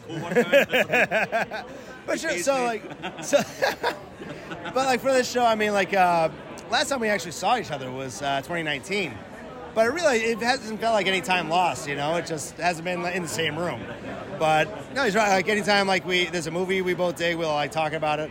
I like when uh, Halloween ends. The first person I went to talk to was John. I'm like, all right, tell me the synopsis. Tell, tell me the whole thing. And, and John wrote this huge thing. I was cracking me up and all that. But yeah. So you guys been working on Sink. You guys did Crimson Cage. Uh, this partnership works. So what's Yeah. next? Um, Okay, hopefully, hopefully lots. Hopefully, like people. Hopefully, nobody hires Alex and takes my. We've got. Well, the plan is we're going to do more Sink first. Um, I've written volume three and volume four. Um, so Alex has got lots of that to draw. But then we're actually we spent this whole weekend talking about what's the next thing, like firing ideas back and forth. So we've got lots of stuff we're going to be working on. Hopefully, this partnership will continue for years to come. Crimson Cage, the sequel, maybe? Well, um, obviously, I'm not sure how we can do a sequel to the Crimson Cage because most people are dead by the end of it. but, but- next generation? yeah, no, but the plan is we're going to do like you know we have talked about a spiritual sequel, maybe another Shakespeare play like this with a wrestling theme. In Attitude Era, maybe? Yeah, is you know. just I'm. Yeah, just going to run through run through the ages, run through history. So yeah, that's that's one of the ideas we've been talking about in back and forth. It's early days yet, but based on the response at the convention, there's certainly been demand for it. So we'll see what happens. Yeah. Hey, and Hotell, because you write Hotell Yeah. for AEW. Yeah. Would you see yourself drawing something like that? Oh yeah, uh, uh, hotel and uh, uh, Dalibor, Dalibor, right? Yeah, Dalibor. Sorry, Dalibor. Yeah. Um, but I mean, he's fantastic on this book. He's amazing. And uh, but, oh yeah, something like that. Sure. Uh, so there was a couple of things.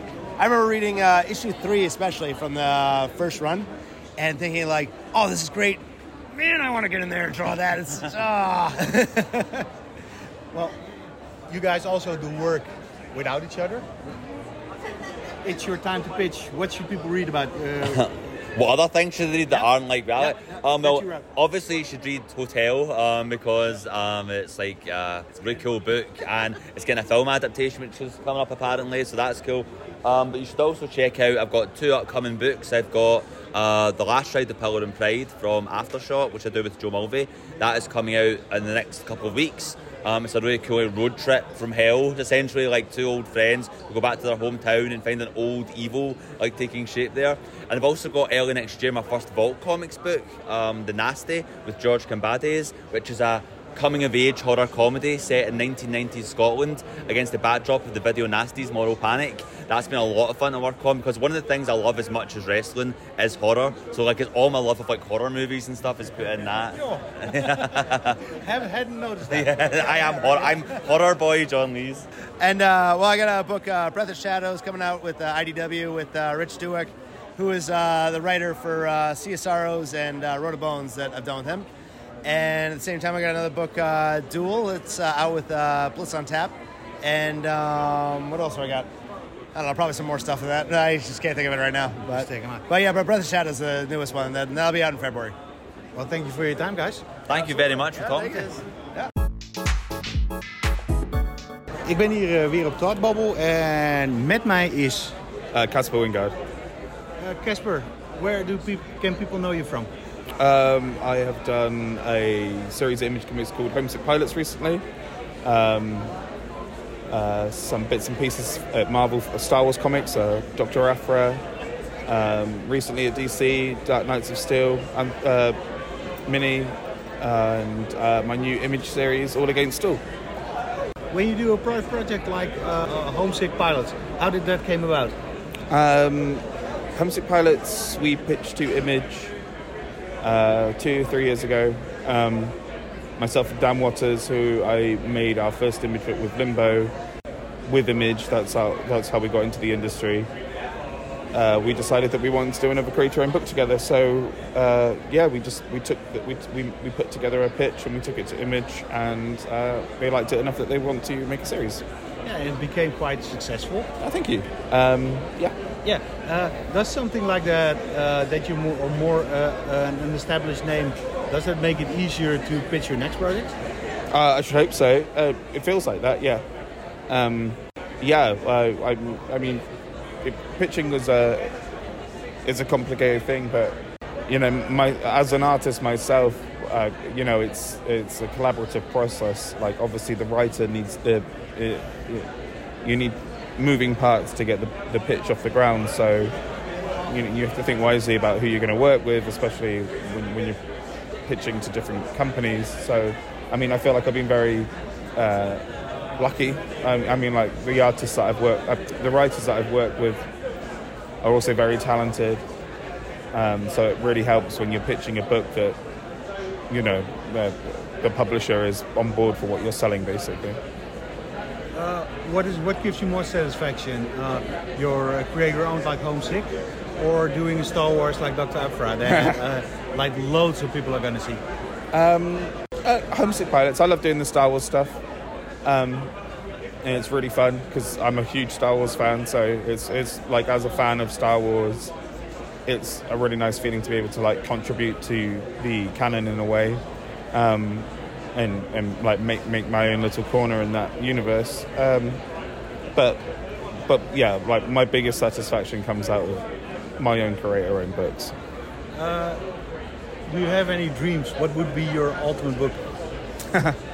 Um, I don't know. Um, I, yeah, I couldn't tell you. Like, I wouldn't know until I was working. There's, there's been. A, I've, I've worked on a lot of books that were things that I would love to have worked on as a kid. You know, like well, books I grew up reading. But I mean, there are books that I would love. You know, I I love growing up, but I myself as an artist, I don't feel like I could do those books. You know, like if I was, I couldn't do Spider Man. You, you know, it's not something that's. I love Spider Man Because it would be amazing to see Spider-Man in a Homesick Pilot style. Uh, yeah, I just don't think I would have the confidence to do a Spider-Man book. it's a big, big deal. So yeah, there are things that I would feel comfortable doing, and then there's things that I just feel like I just wouldn't be able to touch because I would worry too much that I would not do a good job. Well, thank you very much for your time. Yeah, no worries, man. Thank you. En daar zijn we weer. Comic Talk NL op Thought Bubble. En ik ben hier met... Simon Spurrier, very nice to see you. Likewise, likewise, Simon. Uh, you're a really big name in comics. Well, uh, that's nice for you to say.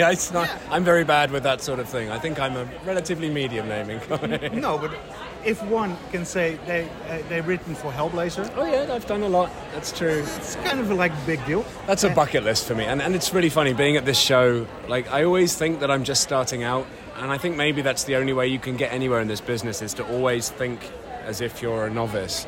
But then people bring suitcases full of like 30 years of comics, and I realize how old I am and how long I've been doing it for. It's terrifying. Yeah, but the great thing uh, when you look at your all the work you've done, uh, there is a team, Uh-huh. lots of uh, magic. Yeah. I can imagine, but uh, it's also very different. One of the things that that I took notice of last year, this year, was Step by Bloody Step. Uh-huh. How did that one came about? A wordless comic written by a writer who uses words. He uses lots of words, yeah. Um, it's a really interesting story. The, um, it began uh, about four or five years ago when I did a comic through Boom called Coda.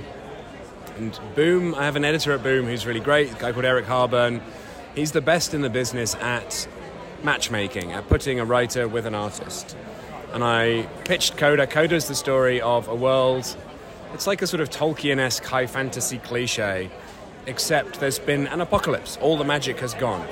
So it's a story about what happens when the magic's gone. And it's like people trying to pick up the pieces and carry on with their lives in this world that previously was entirely dependent on magic. And now there's no magic anymore. And that's a cool story. And Eric put me up with this artist called Matías Bergara, who I had never heard of. And I was wary of at first because his style is so unusual. It's not what I had in my mind. And then within two pages, it was clear that Matías was not only the right person for the job, but was actively improving on my imagined vision. And that's a really good metric for a good artist. If, if when the artist has done the work, you can no longer remember how you envisaged it beforehand, then you're onto a winner. And Matías and I became very close friends, and we realized that the collaboration that we had, the synergy we had, was so special that we needed to keep doing it. Privately, I realized that because Matías is a genius and a very, very, very, very good artist, if I didn't give him the sort of work that he couldn't say no to, he was going to get poached by some A list talent. So I thought I've always wanted to try and challenge myself, a very wordy writer, to write a silent comic. If anything is going to persuade Matías that this is his showcase, his chance to really shine, it will be that. So I challenged him, Do you think you could do a silent fantasy if I wrote it for you? And he's like, Yes, of course, of course, sign me up.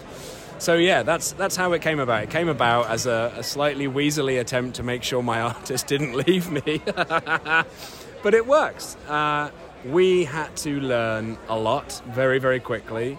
We had to realize that when readers are reading a silent comic, they don't use their brains in the same way. I think my suspicion is that when we read comics or bande dessinée or manga, the brain jumps initially to text and it reads the text and then it tries to confirm or juxtapose what's been learned from the text with the image that surrounds it and then it jumps onwards to the next text.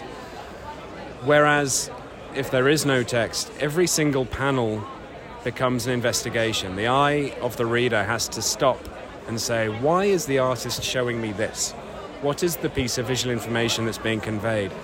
So it's all unconscious but it's unconsciously quite exhausting. It's hard work. And I suspect that what happens is because you're investing quite a lot of unconscious energy, when those emotional beats fall, they're hitting you a little bit harder because you've had to work a bit harder in order to understand what's going on. Does that make sense? Yeah, it makes sense. So that's that's sort of what we learned quite quickly, and we realised that because it's quite high energy, high effort, unconsciously, we needed to build in frequent pauses for breath. So every now and then you encounter a double page spread, which is just this sort of stunning silent landscape, which acts like a sort of breath. It allows the reader to go, okay, take a moment and then move on with the story. So lots of lessons being learned about pacing and, and also just uh, the ever deepening respect that Matías and I have for each other, the, the, the collaboration turned from, at the beginning I was writing quite fiddly, detailed scripts. By the end, I was just writing a few words for each panel because I know that he can run with it. He's a, a, at least as good a storyteller as I am, and he can just do his own thing. So there's a lot of trust. It's not a book I could have made with a new artist I'd never worked with before. So it, it really does speak to sort of the magic of the collaboration that's at the heart of comics, I think. And it also felt more like a European Yeah, well, that's French BD than it did uh, uh, American monthly. I mean, exactly right. And there's a reason that we, we sort of, we, because we knew that going in and because we know that this sort of genre, this sort of work is going to be well received on the continent, we were able to come up with this really interesting publishing deal where the book was published in parallel in monthly form in the American trade as Step by Bloody Step, but in an original graphic novel form in French by Dupuis uh, as Saison du Sang, and we were able to put them out at the same time. Amusingly, the two publishers they felt like they could do that. They weren't going to compete with each other because of the language problem, and then realised that there was no language barrier to overcome. So they, they really sort of were competing with each other. What we've done in the event is to include some little bits of sort of poetic language between the chapters of the story simply so the translator had something to translate. But they're both really beautiful artifacts. And then a couple of weeks ago, uh, this new little book from with a really big artist who haven't drawn a monthly in a long time Yeah. came about. We're Yeah, talking about, of course. It's Damn Them All. Uh, Damn Them All from Boom. The artist is Charlie Adlard, uh, best known from way, way, way too many years of The Walking Dead. Yeah. Uh, yeah, he and I have wanted to work together for a long time. Uh, a few years back, I did a run on Hellblazer, which it, it felt like coming home for me. It was sort of discovering the tone and the genre that I had always intended to write when I went into comics. And then when that run ended earlier than I had hoped, I had so much sort of pent up anger that I decided I was going to take that same genre, that same. It's, it's not like a Hellblazer comic. It, uh, But it's got the vibe. say again? It's got the vibe. Like the angry young Yeah. women in this case. Yes, it's so it's it sort of feels like the opening sequence is essentially what would happen if a character like John Constantine had died. What happens next? So there's a little bit of a fuck you to DC as a sort of starting point. Um, but after that moment, it quickly becomes something that isn't Hellblazer. It becomes it's about crime, it's about uh, violence, and it, ultimately it's about using the occult, mysterious stuff, wonder, non real things. It's about reducing them to a commodity. So, the, the basic premise of the story is that as a result of a mysterious incident, all of the spirits of the Ars Goetia, which is like a medieval grimoire, the 72 evil spirits, the lords and ladies of hell, are released onto the earth. But they're not the baddies of our story. They are reduced to functional tools. Each one of them is sort of encapsulated in a coin. So it becomes a story about people being awful. The demons are not the worst things in this story. So it's, it's just an opportunity to sort of indulge in some real London based crime with a supernatural edge, which is Charlie's absolute bread and butter. So, yeah, we, we couldn't be prouder. It seems to be doing very, very well. Um, yeah, that's, that's a, a really interesting book. One last question. I need to let you get back to Thank you. signing and selling stuff. That's why you're here. Uh, you work at the Big Two. Yep. You work independent. You work very independent. Uh, if you could write one book, would that be uh, your favorite superhero ever and make it a really Si Spurrier kind of story? Or do you want to uh, discover something, make something out of nothing, Uh, something completely new? It's, it's an almost impossible question to answer. Um, I'll give you two answers. The, the first answer is that the best comic I have ever written is always the next one. Doesn't matter what it is, doesn't matter if it's a spandex thing or an indie comic or something that only I will ever read. It's always the thing I'm most excited by. What I will say is this I had kids. I had to have a long conversation with myself recently about adjusting my sort of perspectives, my ambition. And I've realized that when I'm old and dying on my deathbed, looking back at my career, wondering whether I did good work, whether I was a, force for good in the world, the things that will matter to me are not the sorts of stuff that my unhelpful little ambitious brain is always trying to tell me. Like, there's a little voice at the back of my brain going, You need to write more Batman, you need to do Iron Man. And I will never not be able to hear that voice because that's what the metric for success in our industry is. But when I'm on my deathbed, it won't matter if I wrote Batman or Iron Man. What will matter is did I believe what I wrote? Did I change anybody's life, including my own? And did I leave people's minds and hearts a little bit richer than I came in with? And I think I think I can say that I have. Like even it's funny, like all the indie stuff I do, I'm able to indulge far more emotional depth than in most of the superhero stuff I do. And yet I have a lot of love for both of them.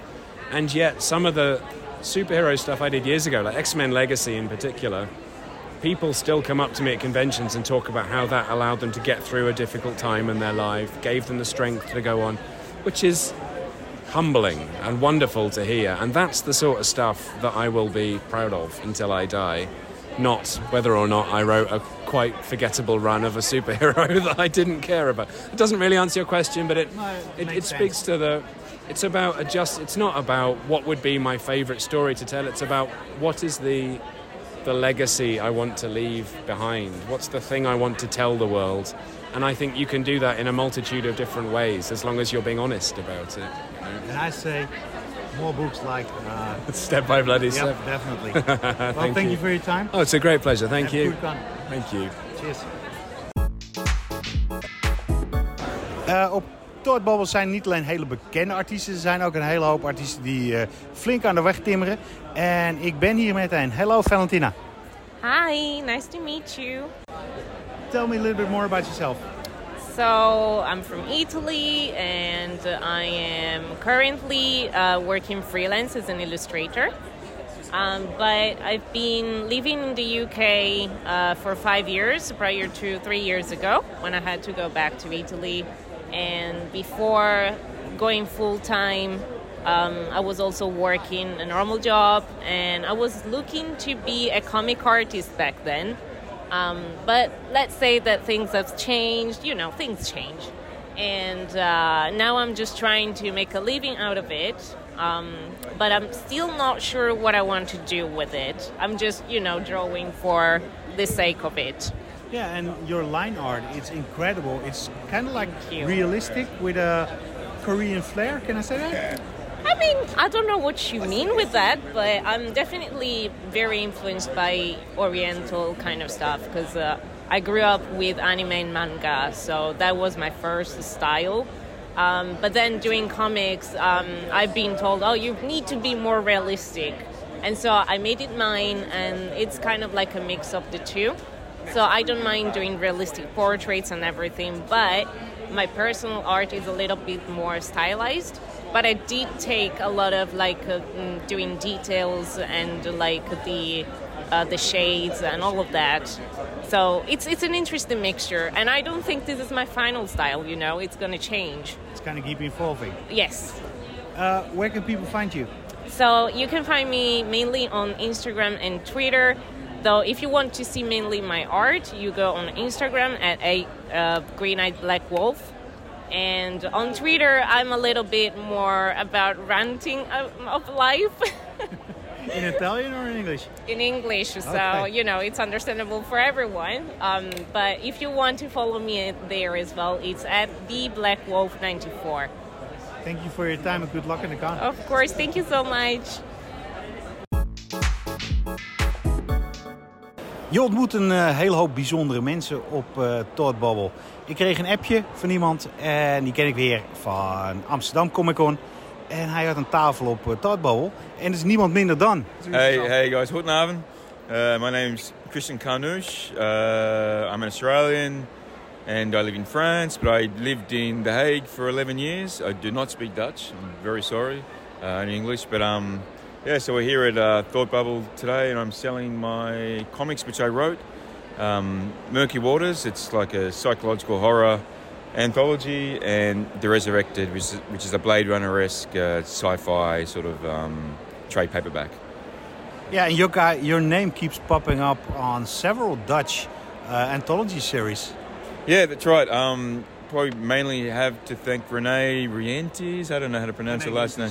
Rientes. Um, she's. Uh, we've written a couple of stories. One for I don't remember the name of the anthology, but it's, it was the, it's the big draw. The 48, 24 hours, 48 hours. So we just did a story then. Um, I wrote a story for her on the dangers of overwork, of overworking, and another one which is for Renee's anthology. We which we just we just finished up on Kickstarter, and that's going to be published uh, soon. So yeah, I've been very lucky. Renee, who, who I'm very good friends with, and she's she likes my writing for for some idea and for, for some reason, and she's uh, yeah she's given me some work, so it's really nice. Yeah. Is it hard for uh, a writer to be at a Comic Con because people always go for the art and you go, oh, lovely art, lovely art, and Yeah. they never go for, whoa, I, I love those words. Or am I? It's just No, no, it happens. All, I mean, unless they've read some. I mean, some nice things have happened where people have bought my books on the first day and they've come back the second day and they said, "Look, we read the story, and, you know, overnight, and we love your story." So that's sort of nice. But generally, yeah, people come and they say the art's amazing, and I'd say maybe half the time people uh, assume that I actually drew it as well, even though up there it says writer and creator on, on my banner. But yeah, people. I mean, I'm the same. Look, when I go to cons, I'm more excited about the art. To be honest, it draws me into it. But then, the writing helps me stay with the book. You know, if it's a series or you know, the art can be great, but if the story's not good, then you know, I, I don't keep reading. So Your trade paperbacks, uh, I read your first one. Yep. Uh, the quality of the printing, the quality of the paper is really high. Uh, and it's, uh, Murky Waters, I just flipped through it. It also looks really impressive. The story is also very good. But uh, when are you going to make the next step?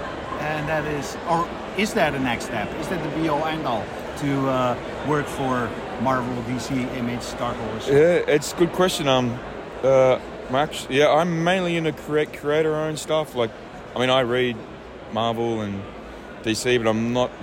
I don't- I'm not. It's not my dream to work for them. Basically, I mean, I'd love to have something published by Image or um, that sort of creator-owned type companies. But uh, yeah, it's not my.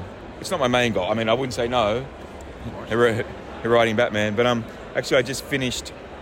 Uh, the art just finished on a graphic novel that my wife and I wrote called Tunis Sydney. Um, and it's, it's basically set between Tunisia and Australia. My, uh, my wife's Tunisian, I'm Australian.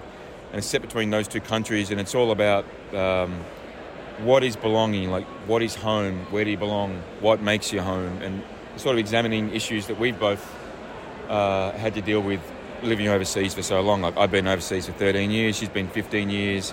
We both work for international organisations, so we're we kind of um, we struggle a bit with the concept of home. So yeah, it's a really nice. Um, graphic novel and the art's finished. Uh, Sam Sam from Boston drew it, and it's his first book, and we're just started to, pi- to pitch it to publishers at the moment. So yeah.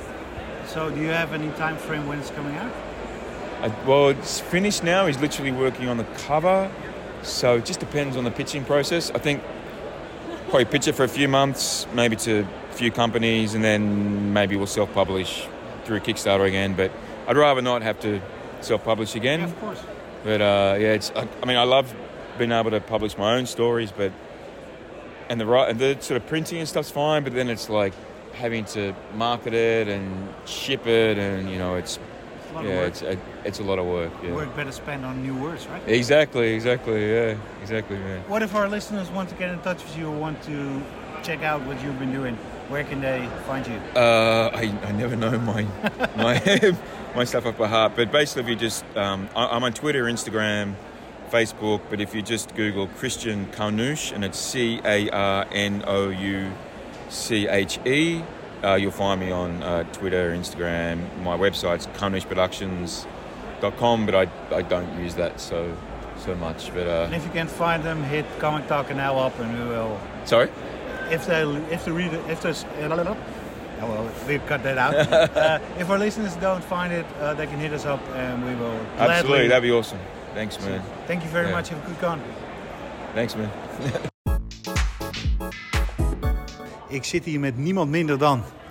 Torren Grunbeck? That sounds like foreign.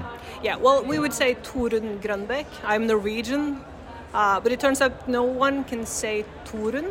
Turen, Turen. Well, well, maybe you can, but just in general, when I'm here, Yeah. uh, what I usually do is I, I say, "Do you know the god Thor?" And people will be like, "Yeah, yeah, but I'm named after Thor. My father's name is Thor, and Torunn means to, to the one who is loved by Thor, And how- loved by Thor." It's very and nice. how, how much did your dad love when you said, I'm going to write for Thor? Well, the thing is, he doesn't understand Marvel at all. So he's just like, I, I, I see you do these things. I, I think it's cool. My mom, she's very much into uh, Norse mythology, like heavily. We, she used to bring me to like Viking reenactment markets weeks at a time when I was a kid. Um, and I showed her some of my comics, and, and she's like, so am I understanding it right? Did Jason burn Yggdrasil at some point? That shouldn't that shouldn't be allowed. And she, so she's pissed at us in general. She doesn't like the comics. I don't know. Your breakthrough comic, uh, I think, was Jane Foster, but you did War, Warhammer before that? No, I did Jane Foster first. It was um, Al Ewing and Jason Aaron was working on uh, Jane Foster Valkyrie, uh, and they needed someone to take over for Al Ewing because he's doing everything Yep. brilliantly. Um, and Jason suggested that I would come on as a co-writer, which was fantastic for me. It, it possibly kind of the best way to start writing for Marvel when you have Jason kind of having your back. So he was like, "Go wild, do whatever you want," and he was there if I needed him, which was fantastic.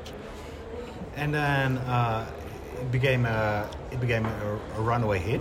You got your own miniseries out of it. Yeah, we, we did. Um, well, the pandemic struck right at the end of my first arc. Uh, so we just had the like the series renewed, uh, and then the pandemic hit. Uh, the distribution went down. Everything went on pause. Uh, so we ended up first doing a King in Black Valkyrie miniseries, and then we picked up again kind of the storyline that we were working on before uh, with the Mighty Valkyries, which is another miniseries um, which has been fantastic, a lot of fun to write. And in the meantime, you did something completely different. Before we get to that, you also did Warhammer. Yeah, um, uh, that was that was fun because Marvel and Games Workshop wanted to do Warhammer comics, uh, and Kieron Gillen did the first one, was Marneus Calgar, uh, and they asked me if I wanted to do Sisters of Battle, which is just the best thing ever. I love Warhammer, and I, I have a Sisters army, so it was just just a perfect perfect fit. Um, a lot of fun.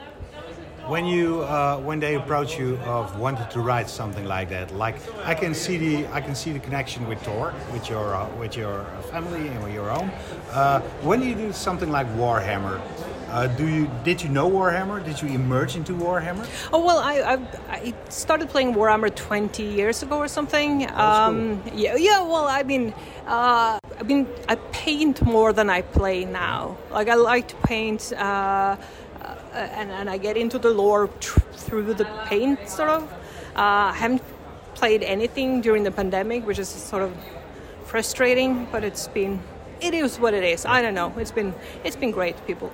Um, but but yeah, yeah. I I played I played for many years, and 40k. I was relatively new to 40k. Uh, found it even more delightful than the fancy sort of like it is just it is batshit insane in all the best ways. And then you did a little project called Death Dealer. Oh yeah, uh, yeah. Just uh, that was just out a few weeks ago. Uh, the Frazetta comics, um, Death Dealer. I did a Sea Witch story, which was fantastic. I love Frank Frazetta, like ev- like everyone, ev- every single person in this world. Uh, so uh, that was one. Like I got the opportunity and I just jumped on it. Of course. And so, what's next? What, what can you tell us about what is next, and also what would you like to be next? Sure. Well, um, what's next for me right now? I, I can't talk about all the projects that I'm doing, but I think the main thing is I'm writing Thor, like the main Thor for the, for a few months, which is fantastic. Uh, I'm I'm doing it with Nic Klein on art, and he is. I, I could just talk about how bloody brilliant that man is. He's really good. He's so he's from Germany. good. Uh, uh, so it, it is a joy to work on. I also have a few other projects coming up at Marvel that I can't talk about, uh, and uh, some other in interesting things. Um, uh, but it's also been, I, I want to do. I did Creator Owned before I worked for Marvel. Um, I haven't done it in a few years now because I've just been incredibly busy. Uh, but I find that I, I, I want to do more Creator Owned as well. Uh, I have a book that I think is sort of is forming now. Uh, so I, I, I'll try to get that written within the next year at least. How hard is it to be in Norway and to work with American with an American company? How hard? Not how hard. How is the how is the process? Well, it's not hard at all. uh, As much as like, uh, I am up all night anyway. Like it doesn't it doesn't matter. Like an excuse to pop over to New York whenever I can, which is which is good. Uh, and I think most of the artists and, and writers are spread around the world now anyway, so they have a lot of understanding for it. Um, I, I think it would be harder if they if they began their day before me, but I, I kind of have seven hours to yeah, that's it's, it's good. And then for the most of the time, I'm just I'm just stuck somewhere riding anyway, just head down. And you can ride everywhere. Yeah, so I usually do that from like either from the studio in, in Norway or I have a cabin in Sweden where I go. Like it's it's in the forest. Uh, it's freezing. There are no people, just moose and me. It's excellent. That's really cool. Uh, one thing I really like about your career, it's so versatile. Where do you get your inspiration? Is it other comics? Is it artists? Is it books, music? Well, I think it, the inspiration part is always hard. I read a lot of comics and I read a lot of books. Um, I'm uh, I, I usually just follow whatever my kind of hyper focus takes me. So uh, if that it usually begins with some kind of novel or comic, and then I'll read up on some subject, uh, and that could be like Chernobyl for for a month. I'll be just be like, oh, I'll, I'll read up on radioactivity or something. I don't know, uh, and that kind of bleeds into things at some point. Um, yeah, I don't know. I just I just try to take in as much as I try to put out somehow. Well, thank you very much for your time. Thank you so much for talking to me. Thought Bubble 2022 begint op zijn einde te lopen. Maar eh, ik heb toch nog één interview gevonden wat ik vond niemand minder dan. Nick Brokenshire. Hi Nick. Hi. We go back a long time, 2014, right? It's a while now. Yep, we've we've been pals a long time. And when we met for the first time in 2014, we connected through Star Wars. Yes. And through the years, you've been a Star Wars artist. yes, I have. And you've done a lot of things that are coming out next month. First, talk Star Wars. Okay. Okay, Star Wars. Let's see. Well, I mean, I've, I've been working on Star Wars Adventures for IDW for since 2016 now, so a little while. And now that the license has reverted to Dark Horse, uh, I work for Dark Horse. Um, so I'm, I'm work. I've been working on the, um, you know, the Halloween Star Wars books. So I've been working with Cavan Scott on on the Halloween Star Wars stuff, and then we've got a secret a secret project that is going to be talked about closer to celebration next year to do with Star Wars. I can spoil it for everybody right now. No, no, no. I won't. Uh, you also got new books. The cutoff date was last week. Please Yes. tell me a little bit more about this one. So we've got Dead Seas, uh, uh, again also written by Cavan Scott. We've we've we've struck up a good relationship. Um, actually, we've been working on that book since 2018. Like we've been batting the ideas and developing the story, and then it just so happens that it landed at IDW. They they picked it up, um, and it's basically a story set set in a world where where ghosts are these monstrous uh, manifestations that we can actually uh, contain and harvest for their ectoplasm, for their for their curative uh, abilities, and so they keep them on these ships. And it just so happens that this ship sinks with a load of people on board and all these ghosts ex- escaping. So it's the story of a sinking ship full of people trying to get out, being attacked by ghosts. And the way you described it to me uh, a little bit before this was like a blockbuster. Yeah, it- really high octane. Yeah, like those classic 70s, you know, disaster movies. You know, like the Poseidon Adventure, Towering Inferno, you know, loads of people trying to survive. That's that's what it is, basically. And then next year you got something else coming out. Yes, um, I have a book called Cold Iron, written by Andy Diggle of of um, Green Arrow fame. Um, so he and I rustled up a story set on the Isle of Man, and it's a Celtic. It's based on Celtic mythology, and it's called Cold Iron. And uh, the collected volume is released by Dark Horse. Oh, oh, Oh, we have to applaud. yeah, we have to applaud. Woo, people. So Cold Iron is it's a, a Celtic adventure set on the Isle of Man, and it's it's a modern day thing, but it crosses over from our world into the world of fairy, and so on and so forth. And it's it's uh, it's released in July next year as as a collected volume, so that'll be nice. It's collected edition, but also floppies. No, no floppies. Oh, it's just an original. Yeah, well, you can get you can get the individual issues through Comixology Originals. I forgot to mention that. And that's not accessible in the Netherlands. Strangely. Well, you can. If you can navigate Comixology, then you can get it. It's there. It's there, but you have yeah, to. but the Comixology in the Netherlands, you cannot cannot access Comixology. Hmm. Really? Yeah, it's a region lock. I think. I think they're still ironing out a lot of kinks. I know that for sure. But they'll get there. Uh, you know, they took a couple of steps back, but they'll fix it. I'm sure. I hope. One last question, because people are uh, sweeping us out already. It's the Yeah. end of uh, Thought Bubble. What will be your ultimate dream job Oh, in the boy. next two years? In the next two years, Yeah. I, I would love to. I would love to do a one shot, like maybe like a forty or fifty page one shot, written, drawn, inked, penciled, colored by me, just me. And a one shot about?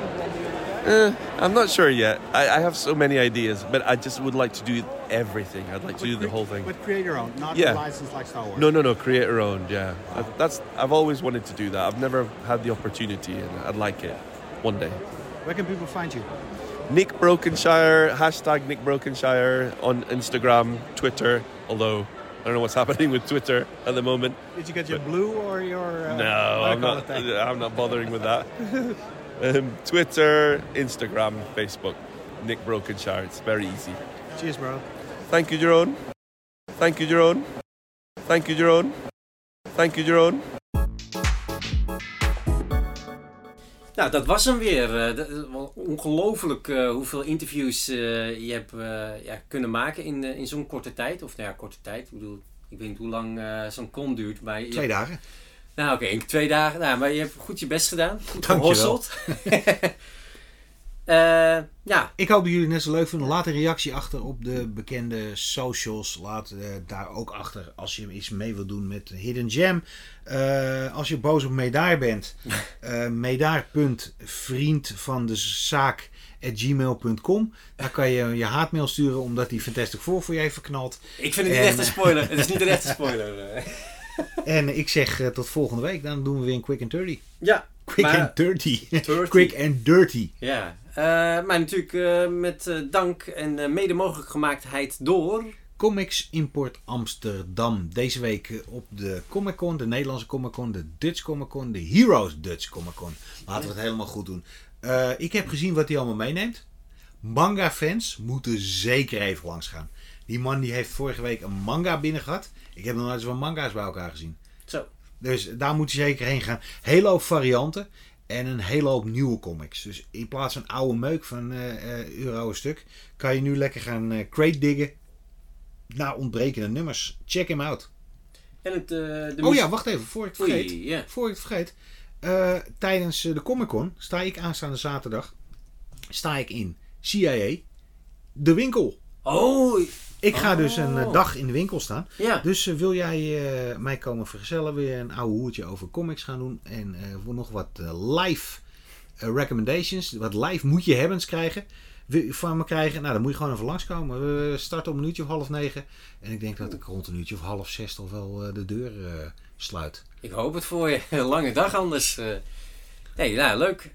Nou, dan is de muzikale omlijsting zoals altijd door onze Jouk Fris. Dank jullie wel voor het luisteren. Tot volgende week. Doei. Doei.